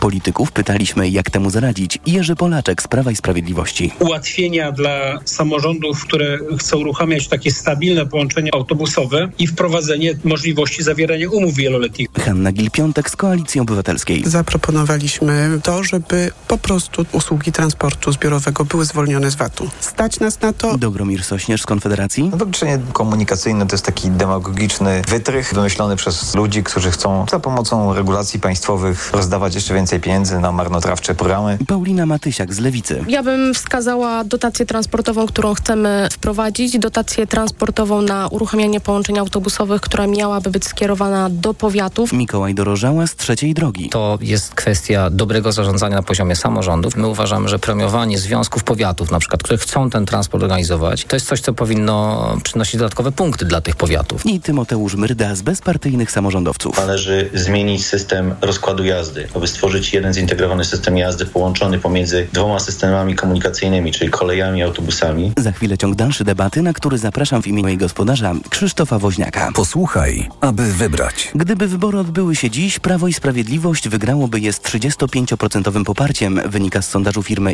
Ipsos dla Okopres i TOK FM. Koalicja Obywatelska może liczyć na głosy 26% wyborców, a Lewica i Konfederacja mają po 8% poparcia. Poza Sejmem znalazłyby się Trzecia Droga i bezpartyjni samorządowcy. Premier nie zostawia wątpliwości, rząd nie będzie się oglądał na Brukselę w sprawie zakazu sprowadzania ukraińskiego zboża do kraju. Mateusz Morawiecki mówił o tym w wieczornym orędziu. To embargo będzie dalej obowiązywać. Nie pozwolimy, by ukraińskie zboże zdestabilizowało polską wieś. Obecny zakaz wygasa w piątek. Jego przedłużenie należy do uprawnień Komisji Europejskiej, a nie władz w kraju. Prawo i Sprawiedliwość już raz uniemożliwiło import ukraińskiego zboża bez zgody Brukseli. Wówczas komisja się ugięła. Nie wiadomo, czy tak będzie też tym razem. Słuchasz informacji TOK FM. Francja nakazała koncernowi Apple natychmiast wstrzymać sprzedaż iPhone'a 12. Według urzędu, który odpowiada za regulację fal radiowych, telefon emituje zbyt intensywne promieniowanie elektromagnetyczne. Firma musi też przyjąć od klientów zwroty wszystkich sprzedanych już smartfonów tego modelu. Siatkarska reprezentacja Polski wygrała z Serbią 3 do 1 i awansowała do półfinału Mistrzostw Europy. Mecz był zacięty, trzeci set skończył się wynikiem 36 do 34 dla biało-czerwonych. Ostatecznie to oni byli górą w całym spotkaniu i pojutrze o finał zagrają ze Słowenią. Teraz w TOK FM druga część debaty wyborczej o transporcie, a więcej informacji za niecałą godzinę. Pogoda. W środę zachmurzy się od zachodu, przelotne opady deszczu i burze miejscami z gradem. Na wschodzie, południe i w centrum kraju od 27 do 30 stopni Celsjusza, do 28 stopni na Dolnym Śląsku, a nad morzem od 20 do 26. Radio TOK FM. Pierwsze radio informacyjne. Debata TOK FM. Druga część debaty Radia TOK FM poświęcona transportowi potrwa jeszcze do 20, mniej więcej 30, a może troszeczkę dłużej. Zobaczymy, jak to będzie, e, bo temat e, ważny. E, wydaje Michał Tomasik, Karolina Kłaczyńska, realizuje Krzysztof Olesiewicz. W takim składzie zapraszamy na tę drugą część debaty. Ze mną w studiu Hanna Gil-Piątek, Koalicja Obywatelska, Paulina Matysiak-Lewica, Mikołaj Dorożała, Trzecia Droga, a zdalnie są również Dobromir Sośnierz, Konfederacja, Tymoteusz Myrda, bezpartyjni samorządowcy oraz Jerzy Polaczek, e, Prawo i Sprawiedliwość. I na prośbę, bo tak państwo uznali, że to temat ważny związany e, z tak zwanym zielonym transportem, czyli co robić, żeby transport e, mniej, w mniejszym stopniu emitował zanieczyszczenia do środowiska, polityka parkingowa. Rozpoczął pan Mikołaj Dorożała, bardzo proszę.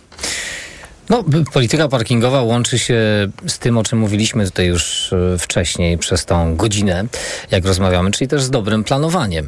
Mm, to, to jest w ogóle potężny problem w Polsce e, i mam nadzieję, że będziemy mieli okazję właśnie tutaj rozmawialiśmy też powiedzieć kilka słów o tym mm, nieszczęsnym projekcie pod nazwą CPK, e, jak on demoluje przestrzeń w Polsce, która jest nieuporządkowana, bo przez 30 lat i wcześniej, to są oczywiście historyczne zaszłości, Dobra, ale, ale to konkretnie. Tej, tej... Jak, jak pana zdaniem ta polityka polityka parkingowa powinna wyglądać? Tej przestrzeni zaprojektować. No, pr przede wszystkim powinniśmy tworzyć y, ten system tak i tą przestrzeń tak, aby ona zachęcała do tego. Jeśli chcemy na przykład, żeby do miast nie wjeżdżały tysiące czy miliony samochodów, jeśli mówimy o Warszawie, to już są miliony, jeśli mówimy o mniejszych miastach, to są tysiące. Jeśli chcemy zadbać tam o to, żeby uwolnić te centra miast z tego ruchu samochodowego, powinniśmy tworzyć taki system, który na przykład będzie y, wspierał sensowną, sensowne projektowanie parkingów w miejscach, gdzie ten dojazd będzie prosty, żeby można było w łatwy sposób ten, ten samochód zostawić, tak, przesiąść się czy na hulajnogę, czy, czy na rower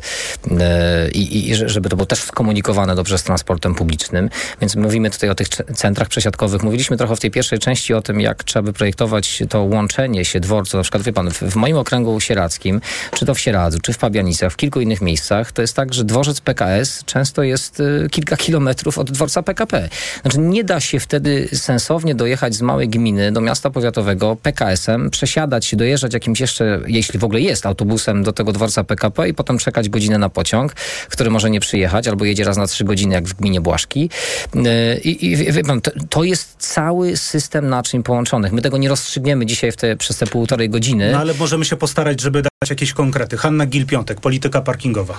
Wie pan, ten tramwaj z Właśnie nie. Pabianic, który dojeżdża do Łodzi, to dzięki niemu bardzo wielu mieszkańców Pabianic nie musi zostawiać samochodów w centrum Łodzi, jak dojeżdża do pracy. Dokładnie, dokładnie I tutaj wracamy z powrotem do tematu metropolii e, i do tego, że bardzo często wjazd dużej ilości aut do centrum, no bo głównie tutaj skupiają się problemy i parkowanie ich na cały dzień, e, czyli tak naprawdę w, no, ograniczanie tego miejsca, gdzie moglibyśmy e, chodzić pieszo, gdzie mogłyby stać, nie wiem, biznesy jakieś i tak dalej, to znaczy jest wynikiem nie tylko deficytów w planowaniu na poziomie e, samorządów, bo one bardzo często by chciały się z tym uporać, ale braku narzędzi i od tego jesteśmy my jako Mhm. posłowie, żeby e, postulować i wprowadzać te narzędzia. To już jest poziom centralny. Natomiast reforma, na reformę planowania, e, systemu planowania czekaliśmy lat bodaj pięć podejść było no, dobrze ponad 10. Ona się zdarzyła w tym roku i nie przyniosła jakichś zachwycających efektów, no ale coś, jest to pewien krok do przodu. Więc y, y, tutaj, żeby samorządy miały dobre instrumenty, powinny mieć dobre prawo w zakresie planowania przestrzennego, Mhm. które pozwoli im tę przestrzeń kształtować, plus środki unijne. No do tego musimy, musimy oczywiście wygrać wybory, no bo przecież PiS nie jest w stanie ich dowieść.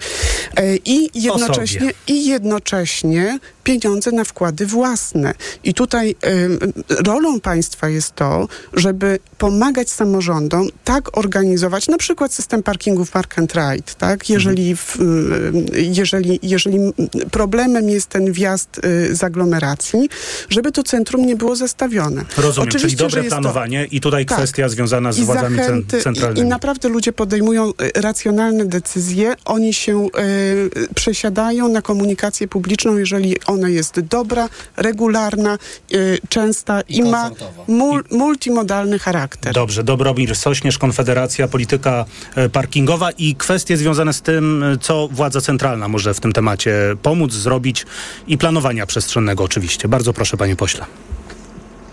Oczywiście władza centralna to ostrożnie z, tym, z tą ingerencją w te sprawy, ale no ja byłbym skłonny poprzeć mm, taki mechanizm, który by jednak zmuszał e, władze miejskie do nieuszczuplania zasobów e, miejsc parkingowych w, w, w miastach. To teraz Zmusić do tego władze miejskie. zmusić, żeby nie uszczuplały, tak, żeby to uszczuplanie y, planowe potraktować jako formę no, dewastacji przestrzeni miejskiej. W tej chwili na przykład w Katowicach odbywa się ten festiwal, który tam przechodzi, taka, taki cyklon przez różne miasta, kiedy władze dostają małpiego rozumu i zaczynają likwidować miejsca parkingowe. Znaczy nie, nie, nie zawsze to jest ich małpi rozum, czasami to są skutki różnych regulacji, które są wdrażane. U nas to jest inna rzecz, że oczywiście to jest te, te, te plaga różnych regulacji państwowych i unijnych y, czasami do tego zmusza. No ale ta słupkoza, która się teraz, teraz dotarła do Katowic, skończyła się y, z likwidowaniem kilkuset miejsc parkingowych, oczywiście bez odpowiednich inwestycji, które by to nadrobiły. Rozumiem, panie E, pośle, więc ale- No to, to, to powinien być no, traktowane jak akt sabotażu po prostu. A jakby miało to Jak- jak- wyglądać niezmuszanie, czy też właśnie te zabiegi, które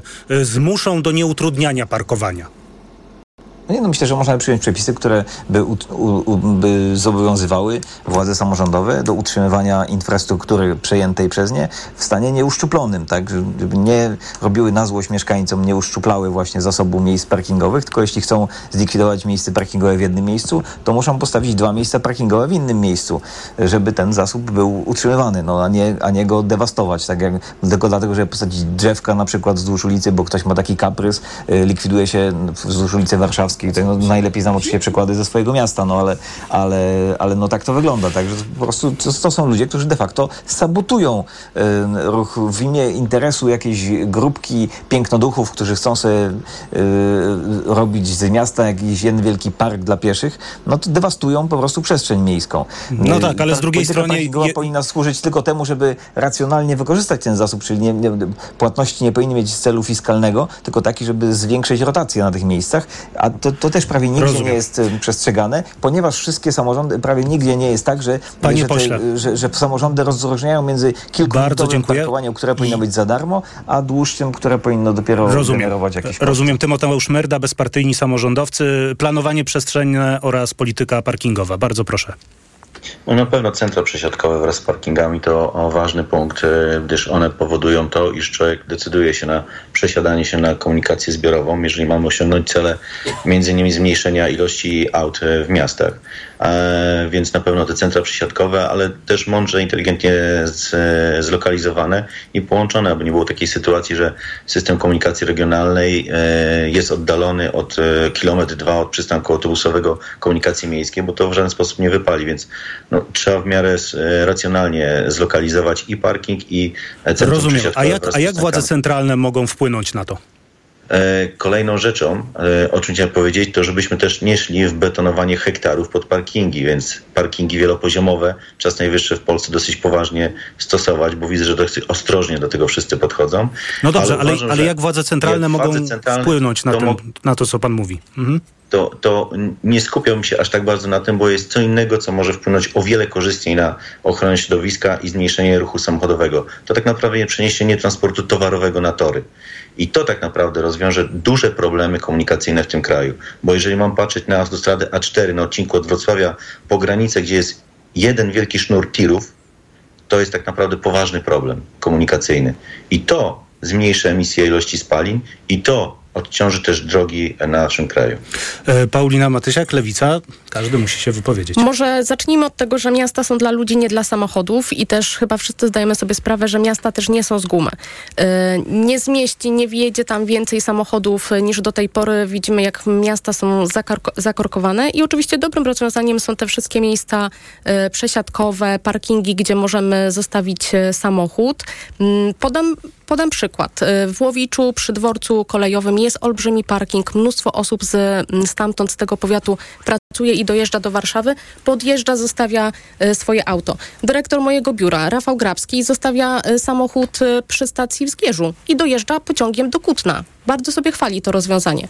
Myślę, że to są takie rzeczy, które powinniśmy po prostu wprowadzać wszędzie, bo jeżeli damy ludziom taką możliwość, to będą z tego korzystali. Tam, gdzie muszą kawałek pojechać samochodem, to pojadą, a potem przesiądą To, się na to jak transport władze centralne publiczny. mogą... e, Podam jeszcze jeden przykład. Na to Y, A wpływać? propos parkingów, bo pewnie Państwo wszyscy znają najsłynniejszy chyba parking w Polsce, czyli Plac Wolności w Kutnie.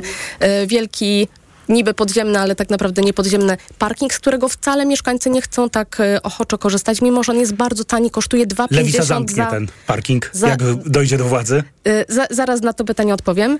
Kosztuje 2,50 za godzinę, a bilet na autobus w Kutnie kosztuje 2,60. Myślę, że zdecydowanie jest tutaj coś nie tak, że godzina parkingu kosztuje mniej niż autobus. To na pewno nie zachęca do tego, żeby wsiąść i podjechać ze swojego osiedla do centrum. To jest jedna rzecz. Natomiast co do samego, y, samego Placu Wolności, tak, jesteśmy przeciwko betonowaniu miast. Mhm. Widzimy, co się dzieje, katastrofa To zakażecie betonowaniu gorąco. miast, jak dojdziecie do władzy. Bo zastanawiam się ciągle, jak władza centralna może wpłynąć na to. I o to chodzi. Myślę, że wystarczyłoby na przykład y, nie przyznawać y, dotacji i funduszy na tego typu projekty. Okej. E, Jerzy Polaczek, Prawo i Sprawiedliwość. E, Panie pośle, bardzo proszę. Planowanie przestrzenne e, jako element, który wpływa na poprawę, czy też zmniejszenie złych zanieczyszczeń z transportu. Przede wszystkim bym zwrócił uwagę na to, iż e, od strony ustrojowej e, te kompetencje zostały rozstrzygnięte już ponad 20 lat temu w reformie samorządowej. Także tutaj mamy dość klasyczną sytuację e, odpowiedzialności władzy publicznej samorządowej w, relacji do mieszkańców i prowadzenia polityki planowania przestrzennego w taki sposób, żeby ona nie dewastowała tej przestrzeni dostępnej również dla pojazdów po to, aby móc e, w sposób racjonalny zaparkować, e, czy przede wszystkim również to, co tutaj niektórzy z moich przedmówców podkreślali, centra przesiadkowe, modele mm, parkuj i jedź, korzystaj z transportu e, publicznego. Nikt nie zastąpi w tej sprawie władz samorządowych w prowadzeniu racjonalnej polityki miejskiej, w, zwłaszcza w centrach dużych aglomeracji. Mamy i dobre, i złe przykłady. Natomiast y, pan redaktor wcześniej zadawał pytania, co tutaj może władza centralna. No myślę, że Mhm. przede wszystkim y, to jest y, kwestia również wydzielania, wydzielania środków na takie rozwiązania, które mogą być wsparciem dla tych samorządów. Mamy przecież dobre przykłady wykorzystania również środków, e, środków na realizację dróg e, samorządowych e, po to, aby również one zostały obudowane również w działaniach burmistrzów, prezydentów takimi rozwiązaniami, które z jednej strony poprawiają bezpieczeństwo ruchu, a z drugiej strony również dają dodatkowe możliwości uzyskania przestrzeni dla parkowania. I po trzecie zwróciłbym tutaj uwagę, e, nawiążę tylko w kilku zdaniach do e, tej propozycji programowej Prawa i Sprawiedliwości dobre i przyjazne osiedle. E, Proszę zwrócić uwagę na to, że to również obejmuje Parkingi. moderni- moderniza- modernizację i przebudowę tej infrastruktury w tych, można powiedzieć, w tym budownictwie wielomieszkaniowym i również może w jakiejś oczywiście części poprawić warunki e, funkcjonowania e, mieszkańców e, osiedli, czy komunalnych, czy spółdzielczych, czy wspólnot Dziękuję panie pośle serdecznie za tą wypowiedź. To jest domena władz samorządowych. Tak, tak, tak, tak, w głównej mierze. Hanna Gil-Piątek i znów e, wolna wypowiedź, minuta, czas start. Ja przypomnę tylko, że to ostatnio PiS w, wprowadził e, konieczność budowania w trybie e, Lex Developer co najmniej półtora miejsca parkingowego na każde mieszkanie, co nam e, z, z powrotem napompuje miasta. Oczywiście w centrach to jest niby jeden, ale nadal jest to jakby polityka, która wpycha samochody do Koalicja miasta. Obywatelska Nawet zmieni to. jeżeli, nawet jeżeli to, ta poprawka już jest złożona, tylko że nie możemy jej e, wprowadzić. Natomiast e, rzeczywiście no, to wojewodowie PiSu bardzo często uchylają takie uchwały e, samorządów i utrudniają tą politykę. To trzeba powiedzieć tutaj, panie redaktorze, tak? To znaczy, Pani poseł, ale co jest- zrobi koalicja obywatelska, żeby poprawić tą sytuację? znaczy, oczywiście damy lepsze narzędzia samorządom w zakresie planowania przestrzennego. Ustawa metropolitarna, metropolitalna tutaj nie ma żadnych wątpliwości.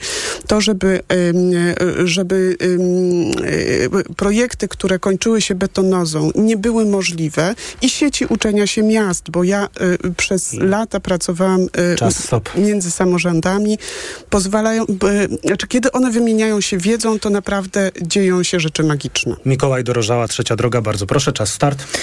No, pr- przede wszystkim my mamy mm, propozycje systemowe, chociażby jeśli chcemy. Znaczy, państwo może zrobić bardzo dużo. Państwo To proszę jako, powiedzieć Państwo jako mecenas, jako, jako, jako jednostka, która wspiera samorządy. No chociażby my mamy pomysł mówiący o tym, żeby zachęcić na przykład małych przewoźników polskich, Polaków, którzy mają małe firmy transportowe, do tego, żeby dotować zakup niskoemisyjnych pojazdów. To mogłyby być dotacje nawet stuprocentowe, żeby ich naprawdę wesprzeć.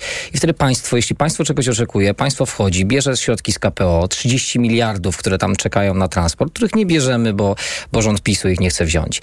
Yy, wie pan, to, to, to są rozwiązania, o których mówiliśmy wcześniej, typu właśnie ten tramwaj w Pabianicach, tak? Że dodatkowe punkty, które państwo może e, przyznawać. Na przykład ten tramwaj, świetnie, że on powstał, ale e, ulica Zamkowa w Pabianicach jest kwintesencją betonozy dzisiaj. I tam na tych torach mogłyby powstać takie zielone pasy, które retencjonowałyby wodę, ściągałyby w ogóle tą wodę, byłoby ciszej, byłoby bardziej komfortowo i na przykład taki projekt, który zawiera tego typu rozwiązanie, dzisiaj one są powszechnie stosowane w wielu miejscach, mógłby stop. być dodatkowo premiowany i dodatkowo finansowany. To są instrumenty, konkretne rzeczy, które państwo może zrobić. Tymoteusz Merda, bezpartyjni samorządowcy, wolna wypowiedź, minuta, bardzo proszę. E, Pod kątem transportu, transportu e, i e, czy parkingów. Czystego transportu. Czystego transportu. To to, co powiedziałem, czas najwyższy, aby transport towarowy trafił w końcu na tory i odciążył polskie drogi. Zmniejszy to emisję spalin, poprawi bezpieczeństwo, zwiększy przepustowość na szlakach komunikacyjnych. Ale przecież wszystki transport tranzytowy, który idzie z Niemiec na stronę wschodnią, przechodzi przez nasze sieć autostrad. A jak to zrobić? A jeżeli... No właśnie, czas na, najwyższy rozpocząć te inwestycje, o których mówi się od kilku lat, czyli e, tak naprawdę punkty intermodalnego przeładunku, a tak aby na granicach państwa te tiry trafiały na tory, tak na sprawę, na platformy. Tylko jedna podstawowa rzecz. E, pociąg towarowy nie może jechać 20 na godzinę, jak to obecnie się dzieje, bo nikt, e, żaden z przewoźników nie będzie chciał skorzystać z tej oferty. W Austrii taki pociąg jedzie średnio 100-110 na godzinę. I to jest oferta wtedy dla, dla ludzi, którzy zajmują się przewozem towarów, że ten tir i kierowca jest w stanie w ciągu jednej doby przebyć całą Polskę na drugą stronę i w sposób bezpieczny, komfortowy i tani. To Czas na pewno stop. będzie niższy koszt przejazdu. Czas stop. Jerzy Polaczek, Prawo i Sprawiedliwość. Wolna wypowiedź, jeżeli chodzi o czysty transport. Bardzo proszę. Ja tylko mogę skomentować jako minister transportu, że mój przedmówca, który wspomniał o tym, że, e, e, że prędkość handlowa cargo na kolei w Austrii wynosi 110 na godzinę, mówi jakieś kosmiczne tutaj rzeczy, to jest e, to, naprawdę. Oczywiście w Polsce infrastruktura kolejowa jest coraz lepiej dostosowana do... Nie no, do panie pośle, panie pośle. To, Natomiast Znaczy, ja, ja rozumiem i, i oddam oczywiście ten czas, ale musimy powiedzieć, że ja rozumiem oczywiście i szanuję zmiany, które wprowadza wpis, jeżeli chodzi o e, przywracanie tej kolei przynajmniej e, w samorządach. No ale nie możemy mówić, że jest bardzo dobrze na kolei. Nie jest, nie jest. Nie, przecież nie, w ogóle tego nie powiedziałem, że y, sytuacja jest idealna, natomiast na pewno jest zdecydowanie lepsza, zarówno jeśli chodzi o ofertę tego transportu publicznego, kolejowego czy autobusowego, to są rzeczy obiektywne. M- Świadczą o tym wyniki przewozów pas- pasażerskich. Ja odwołam się do jednego przykładu. Ale to może co, co Prawo. Sprawiedliwość chce zrobić, żeby Mówiłem poprawić jeszcze tę sytuację? No przede wszystkim y, inwestować w, w tabor kolejowy, w, w, choćby w, w lokomotywy wodorowe, mówię tutaj o ofercie przewozów, y, przewozów kolejowych, integrować aglomeracje, regiony, mówię tutaj na przykład o mm, y, odbudowanym połączeniu kolejowym Małopolska-Śląska, Katowice, Kraków. No sam, e, same, same Pole Regio w ciągu pół roku y, przewiozło e, swoim, e, nie licząc kolei śląskich, 260 tysięcy pasażerów. Inwestować, inwestować. relacji, która Rozumiem. Nie istniała, nie istniała do 2019 roku. Także to jest ten kierunek, który powinniśmy wzmacniać i, i po drugie to, co tutaj Nie, to już nie ma, niestety. Niestety musimy- nie, nie, nie, nie. Wzmacniać konkurencyjność w relacji do Paulina płatnego Matysiak, Lewica, bardzo proszę, wolna wypowiedź. I Jak sprawić, żeby transport był mniej emisyjny e, do środowiska, mniej zanieczyszczeń? Przede wszystkim oczywiście musimy y, ścinać emisje, jeżeli chodzi o transport. One w Unii Europejskiej są największe właśnie w transporcie drogowym. 60% to samochody osobowe, y, około 30% y, to ciężarówki. I myślę, że dobrym rozwiązaniem jest inwestycja w transport y, publiczny. Już y, wspominane przez y, pana Mikołaja rozwiązania w naszym województwie. Ale tutaj można jeszcze przywołać inne y, kwestie. Tramwaj Łódź-Lutomiersk. Zapowiadana y, inwestycja przez marszałka województwa łódzkiego, która do tej pory jeszcze nie doczekała się realizacji. Mamy linię, która jest wyłączona z użycia do Ozorkowa. Ostatni tramwaj jechał tam w 2018 roku. Powinniśmy to rozwijać. To jest możliwość tego, żeby te emisje ścinać, umożliwić ludziom dojazd ze swoich miejscowości do aglomeracji do Łodzi. Ale myślę, że tutaj warto też powiedzieć y, w, w tym kontekście o rozwoju m, chociażby tych technologii i paliw y, alternatywnych. To jest to, na co powinniśmy stawiać. I też podchodzę do tego z, dużą, z, z dużym takim y, y, ostrożnym optymizmem. To czas wyda- stop. bo Jak wy- ten optymizm taki Dobrze. ostrożny. Ostatnie, ostatnie zdanie, bo wydaje mi się, że też y, mm, mm, bardzo chętnie mówimy o tym, że tak, technologia wodorowa, wodorowe autobusy, kupują je tak naprawdę w tym momencie największe miasta, które chcą się po prostu tym pochwalić. To jest bardzo droga w tym momencie technologia, na którą nie stać mniejszych miejscowości. I na koniec, jeżeli chodzi o wolną wypowiedź dotyczącą zielonego transportu, tak zwanego Dobromir Sośnierz, Konfederacja. Bardzo proszę, panie pośle, minuta. Ostatnią rzeczą, którą e, powinniśmy robić, to jest dekretowanie jakiejś jedynej słusznej technologii. To w ogóle nie tak się to powinno odbywać poprzez jakieś państwowe inwestycje, czy wska- wskazywanie przez urzędników, m, która technologia będzie popierana, a która będzie dyskryminowana. Jak to się odbywa właśnie w Unii Europejskiej poprzez ten pomysł zakazu samochodów spalinowych, które tu wszystkie te e, siły polityczne ten, w ten czy inny sposób już poparły. E, Czy na szczeblu unijnym, czy to na szczeblu polskim, bo nie wszyscy to tutaj na, na, na użytek polski chcą jakoś się tym bardzo chwalić, bo raczej nie jest to w tej chwili popularne. Mm, e, Natomiast e, uważam, że ten problem powinien być rozwiązywany poprzez postęp techniczny stopniowo, nie po- poprzez dekrety urzędników. I on jest rozwiązywany. Znaczy samochody palą coraz mniej. Tak? Z generacji na generację, z roku na rok są w, w, wprowadzone modele, które coraz mniej palą, co wydawałoby się kiedyś nie, niemożliwe wręcz do osiągnięcia. Y, Należy, państwo powinno pobierać jedynie jeden, jeden sprawiedliwy podatek środowiskowy, zależny od stopnia mm, zanieczyszczeń wydzielanych, nie tylko dwutlenku węgla, przecież tylko w ogóle zanieczyszczeń mm, wydzielanych przez... przez Czas, stop. I technologia pokaże, który transport generuje najmniejszy podatek. Ten się będzie po prostu najbardziej opłacał. Bardzo, bardzo dziękuję. Drodzy Państwo, musimy przejść do bezpieczeństwa ruchu drogowego. Zobaczymy, jak z czasem może o, o tym centralnym porcie komunikacyjnym jeszcze wspomnimy. E, więc zaczynamy bezpieczeństwo ruchu e, drogowego i Tymoteusz Myrda. Czy Pana zdaniem e, trzeba zmienić ustawowe limity prędkości na polskich drogach? Przede wszystkim trzeba e, odblokować drogi i zmniejszyć ilość A limity prędkości? tych drog? Limity prędkości powinny być dostosowane do tego, w jakim stanie są drogi, a nie odgórnie nakładane. Natomiast jedną ważną rzeczą, którą powinniśmy stosować, czego się nie stosuje, to to, aby kierowcy, młodzi szczególnie kierowcy, mieli okazję O szkoleniu po, powiemy. albo przed egzaminem szkolenia dostać się na, e, na Czyli pana zdaniem, pana zdaniem nie trzeba nic zmieniać, jeżeli chodzi o limity prędkości ustawowe, te, które są w ustawie wypisane w zależności od kategorii drogi. Nic To tutaj nie. trzeba zmienić. No na razie te prędkości możemy utrzymać, przecież one nie są e, zbyt... E, Dziękuję bardzo, bo to, to jest tak zwane te szybkie pytanie. Jerzy Polaczek, czy należy zmieniać ustawowe limity prędkości na drogach, w zależności od tego oczywiście kategorii drogi, gdzie one są. Naprawdę jeden z elementów e, szeroko rozumianej polityki BRD, ja bym przede wszystkim zwrócił uwagę po pierwsze na to, iż e, poprawa bezpieczeństwa ruchu drogowego następuje poprzez... e, Panie pośle, limity prędkości, czy należy je zmienić? Inwestycje w tej sprawie, w tej sprawie w ostatniej kadencji Sejm ujednolicił prędkość na terenie za, zabudowanym przez całą dobę w wysokości Zgadza się, ale czy 50 trzeba zmienić Tak, te, które są teraz? W mojej ocenie y, nie i takich propozycji Prawo i Sprawiedliwość nie proponuje, natomiast y, proponujemy oparcie Dziękuję bezpieczeństwa bardzo. ruchu drogowego na trzech filarach, na inwestycjach, na prawie i na edukacji. To zaraz o tym porozmawiamy. Hanna Gil-Piątek, Koalicja Obywatelska, limity prędkości, czy nie trzeba je zmienić? należałoby zmieniać limitów prędkości, należałoby trochę lepiej ustawiać znaki, bo czasami one w, widać, że w, po pierwsze odbiegają od tego, co nam mówi infrastruktura pozioma, a to ona do kierowcom komunikuje, jak szybko mają jechać, więc jak jest znak 40 i autostrada, to pewnie oni przekroczą tę, e, to ograniczenie, a z drugiej strony e, czasami mamy sytuacje niebezpieczne, które są nieoznakowane. Okej, rozumiem pani zdaniem, nie trzeba ustawowych limitów prędkości No, nie mamy zmieniać. tego w postulatach. Dobromir Sośnierz, a to ja pana, no, pani zdanie pytam, Dobromir Sośnierz, Konfederacja. Panie pośle? Należy je zmieni- z- zmienić, znaczy z- podwyższyć. Y, W sensie, żeby można było nie szybciej być- jeździć. Tak? Na autostradach nie powinno być limitów prędkości, tak jak jest to w Niemczech i przecież nie ma z tego powodu więcej wypadków niż w Polsce.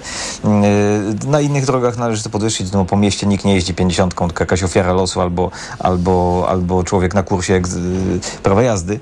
Yy, Nawet radiowozy rzadko kiedy jeżdżą 50 na godzinę. No, ale to nie jest znaczy, że absurdalne- Absurdalne, absurdalne ograniczenie, które powinno być po prostu podniesione, podobnie jak bezsensowny limit prędkości dla hulajnóg, które muszą jeździć z prędkością pieszego, a i tak oczywiście tak nie jeżdżą. Dobrze, dziękuję. Czyli trzeba zmieniać tak, żeby można było jeździć szybciej. Yy, przyjmuję tę, yy, tę wypowiedź. Paulina Matysiak, nie wiem jak to wpłynie na bezpieczeństwo ruchu drogowego, ale to je, zaraz o tym porozmawiamy. Paulina Matysiak, Lewica, limity Ja, ja bym prędkości nie ustawowe. zmieniała, natomiast e, powiem krótko, że te 50 kilometrów, e, jeżeli chodzi o miasto, nie wzięło się przypadkowo. To jest po prostu ta granica, kiedy e, przy uderzeniu w pieszego ta osoba ma 50% szans, żeby przeżyć i tutaj po prostu chodzi o życie. A jeżeli już wprowadzać jakiekolwiek rozwiązania związane z egzekwowaniem prędkości, to ja jestem zwolenniczką wprowadzania odcinkowych pomiarów prędkości. I o tym też myślę, może wspomnimy i na koniec Mikołaj Dorożała, trzecia droga, ustawowe limity prędkości do zmiany, czy nie? No, ja myślę, że przede wszystkim trzeba dążyć do uspokajania ruchów w takich Czy miejscach. trzeba zmienić Nie, nie, nie trzeba. Trzeba lepiej projektować infrastrukturę na drogach lokalnych, gminnych, żeby na przykład nie wydawać potem miliardów na ścieżki rowerowe, tylko żeby tam było bezpiecznie, y, żeby na przykład była 30 na takiej ścieżce, na takiej drodze gminnej i tam się dało jechać też rowerem i pójść pieszo. To takie szybkie, zastanawiające też mnie pytanie, czy wiedzą Państwo, ile jest y, różnych ustawowych limitów prędkości w polskich przepisach dla samochodów do 3,5 tony? Siedem różnych, w zależności od kategorii drogi. Nie będę Państwa pytać i znęcać się, czy znają je. Nie, nie, nie. E, domyślam się tego pytania. Dobrze, to w takim razie idziemy. Uspokajanie ruchu. Panie pośle e, Dobromir Sośnierz, e, znów Pana zapytam o coś, co mnie bardzo ciekawi. Strefy uspokojonego ruchu. E, za, przeciw, a może w zależności od miejsca. Uspokoić to należy urzędników, którzy chcą ciągle czegoś ludziom zakazywać. E, to jest ładna nazwa na po prostu kolejny zamordystyczny, e, rygorystyczny, e, ograniczający naszą wolność projekt, którego i tak nikt, nikt nie przestrzega, bo oni się oczywiście tam chwalą. U nas w Katowicach również tak było, że, że wdrożyli te strefy i się chwalili, że tam jakieś statystyki im poszły. No oczywiście i tak nikt tego nie przestrzega, więc to nie ma żadnego związku z wprowadzeniem tych stref, bo po prostu nikt nie będzie jeździł 30 na godzinę, bo 30 to rowerem można jechać, jak się człowiek dobrze rozpędzi. Y, Więc no, nie po to się kupuje auto, żeby jeździć z prędkością roweru, tak, tak samo jak nie po, nie po to się kupuje hulajnogę, żeby y, jeździć z prędkością pieszego. Więc oczywiście, że żadnych stref uspokojonego transportu to powoduje korkowanie się miast, to powod, gdyby to było przestrzegane, tam, tam gdzie ktoś próbuje to, y, to Rozumiem. ko- korkowanie się miast, zwiększenie zanieczyszczeń mm, i y, straty czasu po prostu. Jest pan przeciw. Ym, Tymoteusz. Merda, bezpartyjni samorządowcy, strefy uspokojonego ruchu. Jak pan myśli? Dobre rozwiązanie, złe? Panie dyrektorze, no, jeżeli pan już nam powiedział, że jest siedem różnych po- tych e, wymiarów prędkości, no to wydaje mi się, że nie ma po co tworzyć jakiegoś kolejnego programu PR-owego. Wystarczy stosować odpowiednio przepisy, być konsekwentnym i to naprawdę będzie funkcjonować. Ludzie naprawdę wiedzą, jak się zachować w odpowiednich miejscach. Nie trzeba im za każdym razem stać za rogiem z suszarką Gdyby tak i jeszcze było. tworzyć dodatkowe rzeczy. Proszę mi wybaczyć, ale gdyby tak było, to przez wiele lat nie bylibyśmy na szarym końcu, jeżeli chodzi o wskaźniki bezpieczeństwa ruchu drogowego. Nieprawda, to jest demagogia. A, to tutaj się nie do końca zgodzę. E, o to, czy- to, co pan dyrektor niech pozwoli mi dokończyć. E, ośrodki doskonalenia jazdy, e, jeżeli tam każdy kierowca miał szansę chociaż raz przejechać się i zweryfikować swoją umiejętność na drogi, na szy, e, mokrej nawierzchni, czy też na szarpaku, kiedy wpada w poślizg, to ta jego wyobraźnia w wieku 20 lat byłaby kompletnie inna, bo to doświadczenie to dopiero nabiera się z ilością godzin spędzonych za kierownicą. I tego właśnie brakuje, bo dzisiaj każdy kierowca, e, który zrobi prawo jazdy, ma takie samo prawo do korzystania z drogi i, użytkowania jej, ale nie każdy ma te same doświadczenie. I tu pojawiają się pierwsze problemy. Jerzy Polaczek, Prawo i Sprawiedliwość, y, strefy uspokojonego ruchu, dobre rozwiązanie, złe, a może coś innego ma większy wpływ na poprawę bezpieczeństwa?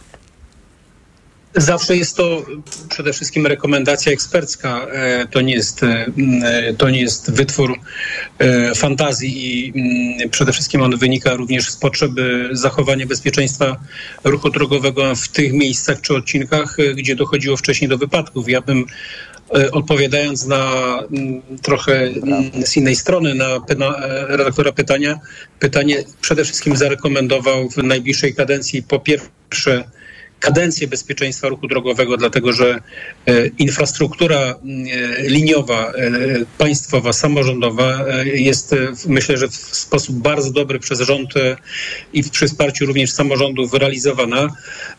Polityka bezpieczeństwa ruchu drogowego weszła do zbiorowej wyobraźni. Po trzecie, Polska osiągnęła bezprecedensowy sukces, uzyskując nagrodę. Ja rozumiem, to już było, ale co, co trzeba zmienić, żeby jeszcze bardziej, żeby postęp? jeszcze było bezpieczniej na drogach? No przede wszystkim, y, przede wszystkim ja myślę, że to jest kontynuacja y, i to jest y, re, realizowane wsparcia finansowania dróg samorządowych. To jest dzisiaj punkt odniesienia dla, dla mm, poprawy bezpieczeństwa ruchu drogowego na poziomie gminy. To jest standaryzacja wymagań technicznych dla różnego rodzaju typów dróg i to, Okej. co ja postuluję, i jeśli pan redaktor mi pozwoli, jeszcze jedno zdanie dopowiedzieć. Jako minister transportu w latach 2005-2007 i najdłużej funkcjonujący nieprzerwanie poseł w Komisji Infrastruktury w przyszłej kadencji będę rekomendował powołanie specjalnego funduszu interwencyjnego po to, aby bez zbędnej biurokracji przede wszystkim likwidować te miejsca niebezpieczne, w których najczęściej dochodzi do wypadków i potrzebne są do tego Dziękuję, i pozwoliłem. Panie pośle, dziękuję, pozwoliłem. Hanna. Gil-Piątek, Koalicja Obywatelska. Roz, rozgraniczmy dwa pojęcia, bo strefy uspokojonego ruchu to nie są ograniczenia prędkości na drogach przelotowych, tam gdzie rzeczywiście regulujemy nimi warunki bezpieczeństwa, a przede wszystkim powinniśmy e, regulować infrastrukturą. Natomiast strefy uspokojonego ruchu to są takie enklawy, w których my jako piesi, kiedy poruszamy się pieszo, pod, e, uzyskujemy poczucie bezpieczeństwa, większą podmiotowość, no swobodniej się czujemy. Również są twarde badania, że to wpływa na poprawę relacji społecznych, poprawę e, funkcjonowania gospodarczego, choć bardzo wiele jest czasem obaw, e, czy na przykład mój sklep, czy moja kawiarnia będzie funkcjonować gorzej. Nie, one funkcjonują lepiej. Najlepiej w, we wszystkich miastach, w których takie strefy e, wprowadzono, na przykład w centrach, widać poprawę ruchu pieszego na ulicach, a więc również bywania w kawiarniach, w sklepach. Tak, bo, bo my dokonujemy zakupów impulsowo, kiedy chodzimy po mieście. W ten sposób ten, ten biznes się kręci bardziej. Natomiast y, chcę zwrócić uwagę na to, że jak mamy centrum nawet całkiem duże, takie jak jest w Łodzi, że powiedzmy 3 km na kilometr i tam byśmy nawet na wszystkich ulicach powiedzieli, dobrze, to 30 kilometrów, to ten zysk między 50 a 30 przejechania płynnego pomiędzy punktem A i B na dwóch stronach, to jest kilkanaście sekund, czy mhm. kilkadziesiąt sekund. To nie jest dużo tak naprawdę. Oczywiście bardzo ostrożnie, tylko jeżeli lokalna społeczność się na to godzi, to powinny być bardzo wynegocjowane zawsze rozwiązania. Nie wolno tego wprowadzać przeciwko na przykład y, mieszkańcom, no bo w, wtedy konflikt społeczny gotowy. To jest zupełnie niepotrzebne. Rozumiem. Natomiast jeżeli już wprowadzamy w Łodzi takie rozwiązanie, że ruch jest spokojniejszy, to jest cały czas ruch, to inni ludzie na innych ulicach natychmiast tego chcą. Paulina Matysiak, Lewica, y, strefy czystego, y, strefy czystego transportu już były, strefy uspokojonego ruchu. Y, czy to dobry pomysł, czy może inne postulaty w zakresie ja poprawy myślę, że to jest dobry, dobry pomysł. Każde rozwiązanie, które poprawia bezpieczeństwo mieszkańców jest warte rozważenia i do wprowadzenia. Myślę, że też w tym kontekście, jeżeli mówimy o uspokajaniu ruchu i w ogóle przeciwdziałaniu kolejnym wypadkom, warto przywołać przykład Jaworzna i tej wizji zero i tych rozwiązań, które właśnie e, władze tamtego miasta wprowadzały, no bo przecież one właśnie w taki sposób to robiły. Przebudowały układ drogowy, rozwijały transport publiczny i okazywało się, że to faktycznie e, działa. To są takie mechanizmy, które można wprowadzić, które w naturalny sposób e, dają w efekcie właśnie to, że kierowcy jadą wolniej. I jeszcze jedna rzecz do tego, co mówił wcześniej poseł Dobromir Sośnierz. Y, powiedzmy sobie jasno, jeżeli ktoś jedzie po mieście 70 km na godzinę, znaczy ja nie twierdzę, że, że mnóstwo osób tak nie jeździ, jeździ, tylko jeżeli taka y, osoba, taki kierowca wjedzie w pieszego, to w 90% przypadków będziemy mieli do czynienia z ofiarą śmiertelną. Ktoś zginie. I myślę, że to nie o to chodzi. Chcemy po prostu czuć się w naszych miastach bezpiecznie i do tego po prostu powinniśmy dążyć. To, że czas leci, Mikołaj y, Dorożała, bardzo proszę. Tym razem 30 sekund wolnej wypowiedzi, jest czas start. Dobrze, to śpieszy się. Y, to jest bardzo ważne, żebyśmy zeszli z takiego pewnego poziomu abstrakcji i mamy konkretne argumenty na tego typu dyrdy małych, które tutaj opowiada pan poseł Sościerz. Y, to właśnie chodzi o to, żeby dzisiaj, na przykład w gminie Warta, w powiecie sieradzkim, gdzie pomagam panu Sylwestrowi, który od pięciu lat walczy na krajówce o przejście dla pieszych, a jest osobą z niepełnosprawnością, jest osobą niewidomą i mamy 1111 pozycji na oficjalnej stronie GDDiK w sprawie poprawy bezpieczeństwa pieszych i rowerzystów w Polsce i my się nie możemy doprosić. Siedząca obok mnie tutaj pani posłanka Gil Piątek i Franek Sterczewski pisali interpelację w tej sprawie. Do dzisiaj nie ma odpowiedzi w tej sprawie i o tym mówimy. Tam powinno być przejście.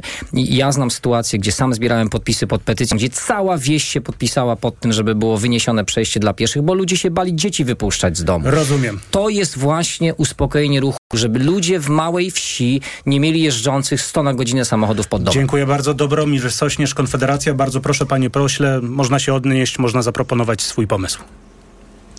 No pan chyba mówił zupełnie o czymś innym, bo strefy y, tak zwane uspokojonego transportu są te strefy typu tempo 30 w centrach miast, a nie, a nie przejście dla pieszych na jakiejś drodze, rozumiem, przelotowej, która, na której jest, jest to potrzebne, więc nie wiem w jaki sposób y, pan próbuje w ten sposób y, zakwestionować to, co ja mówiłem i nazwać to derdymałami. Niezbyt grzecznie. No derdymały to jest opowiadanie takich właśnie rzeczy, że, że, że ustawienie jakiegoś znaku cokolwiek zmienia, no bo ludzie jeżdżą tak jak jeździli, no nie da się jeździć 30 na godzinę, no bo to jest po prostu nieżyciowe życiowe, tak? No, można przejść, sprawdzić na, naocznie, tak? Ustawić się w takiej strefie czystego, tej, strefie ograniczonego, mm, tej, tak zwanego uspokojonego, uspokojonego transportu, tak? I zmierzyć, czy ludzie tak jeżdżą. No Dziękuję. nie jeżdżą, no po prostu jeśli następują jakieś zjawiska, to one, tam ludzie chętnie chodzą do kawiarni, no to nie, Jasne. nie dlaczego, Dziękuję. tak? No. Dziękuję bardzo. Tymoteusz Merda, bezpartyjni samorządowcy, 30 sekund. Bardzo proszę wolnej wypowiedzi, jeżeli chodzi o bezpieczeństwo ruchu drogowego. No, dopóki nie, nie spowodujemy, aby zmniejszyć e, ilości użytkowników, tak jak już to powiedziałem dwa razy, e, czyli na pewno nie wyprowadzimy ruchu towarowego e, z transportu kołowego na, na tiry, e, na tory, no to będziemy się borykać z tym problemem, gdyż nie będzie możliwości spokojnego poruszania się, będzie zbyt dużo użytkowników dróg i z tym będzie problem się wiązał właśnie też e, z wypadkowością. Na pewno w centrach e, miast będą musiał być e, uspokojony ruch, dlatego że nie da rady w niektórych miejscach osiedlowych e, podążać szybciej samochodem niż e, limity przepisane. Oczywiście i,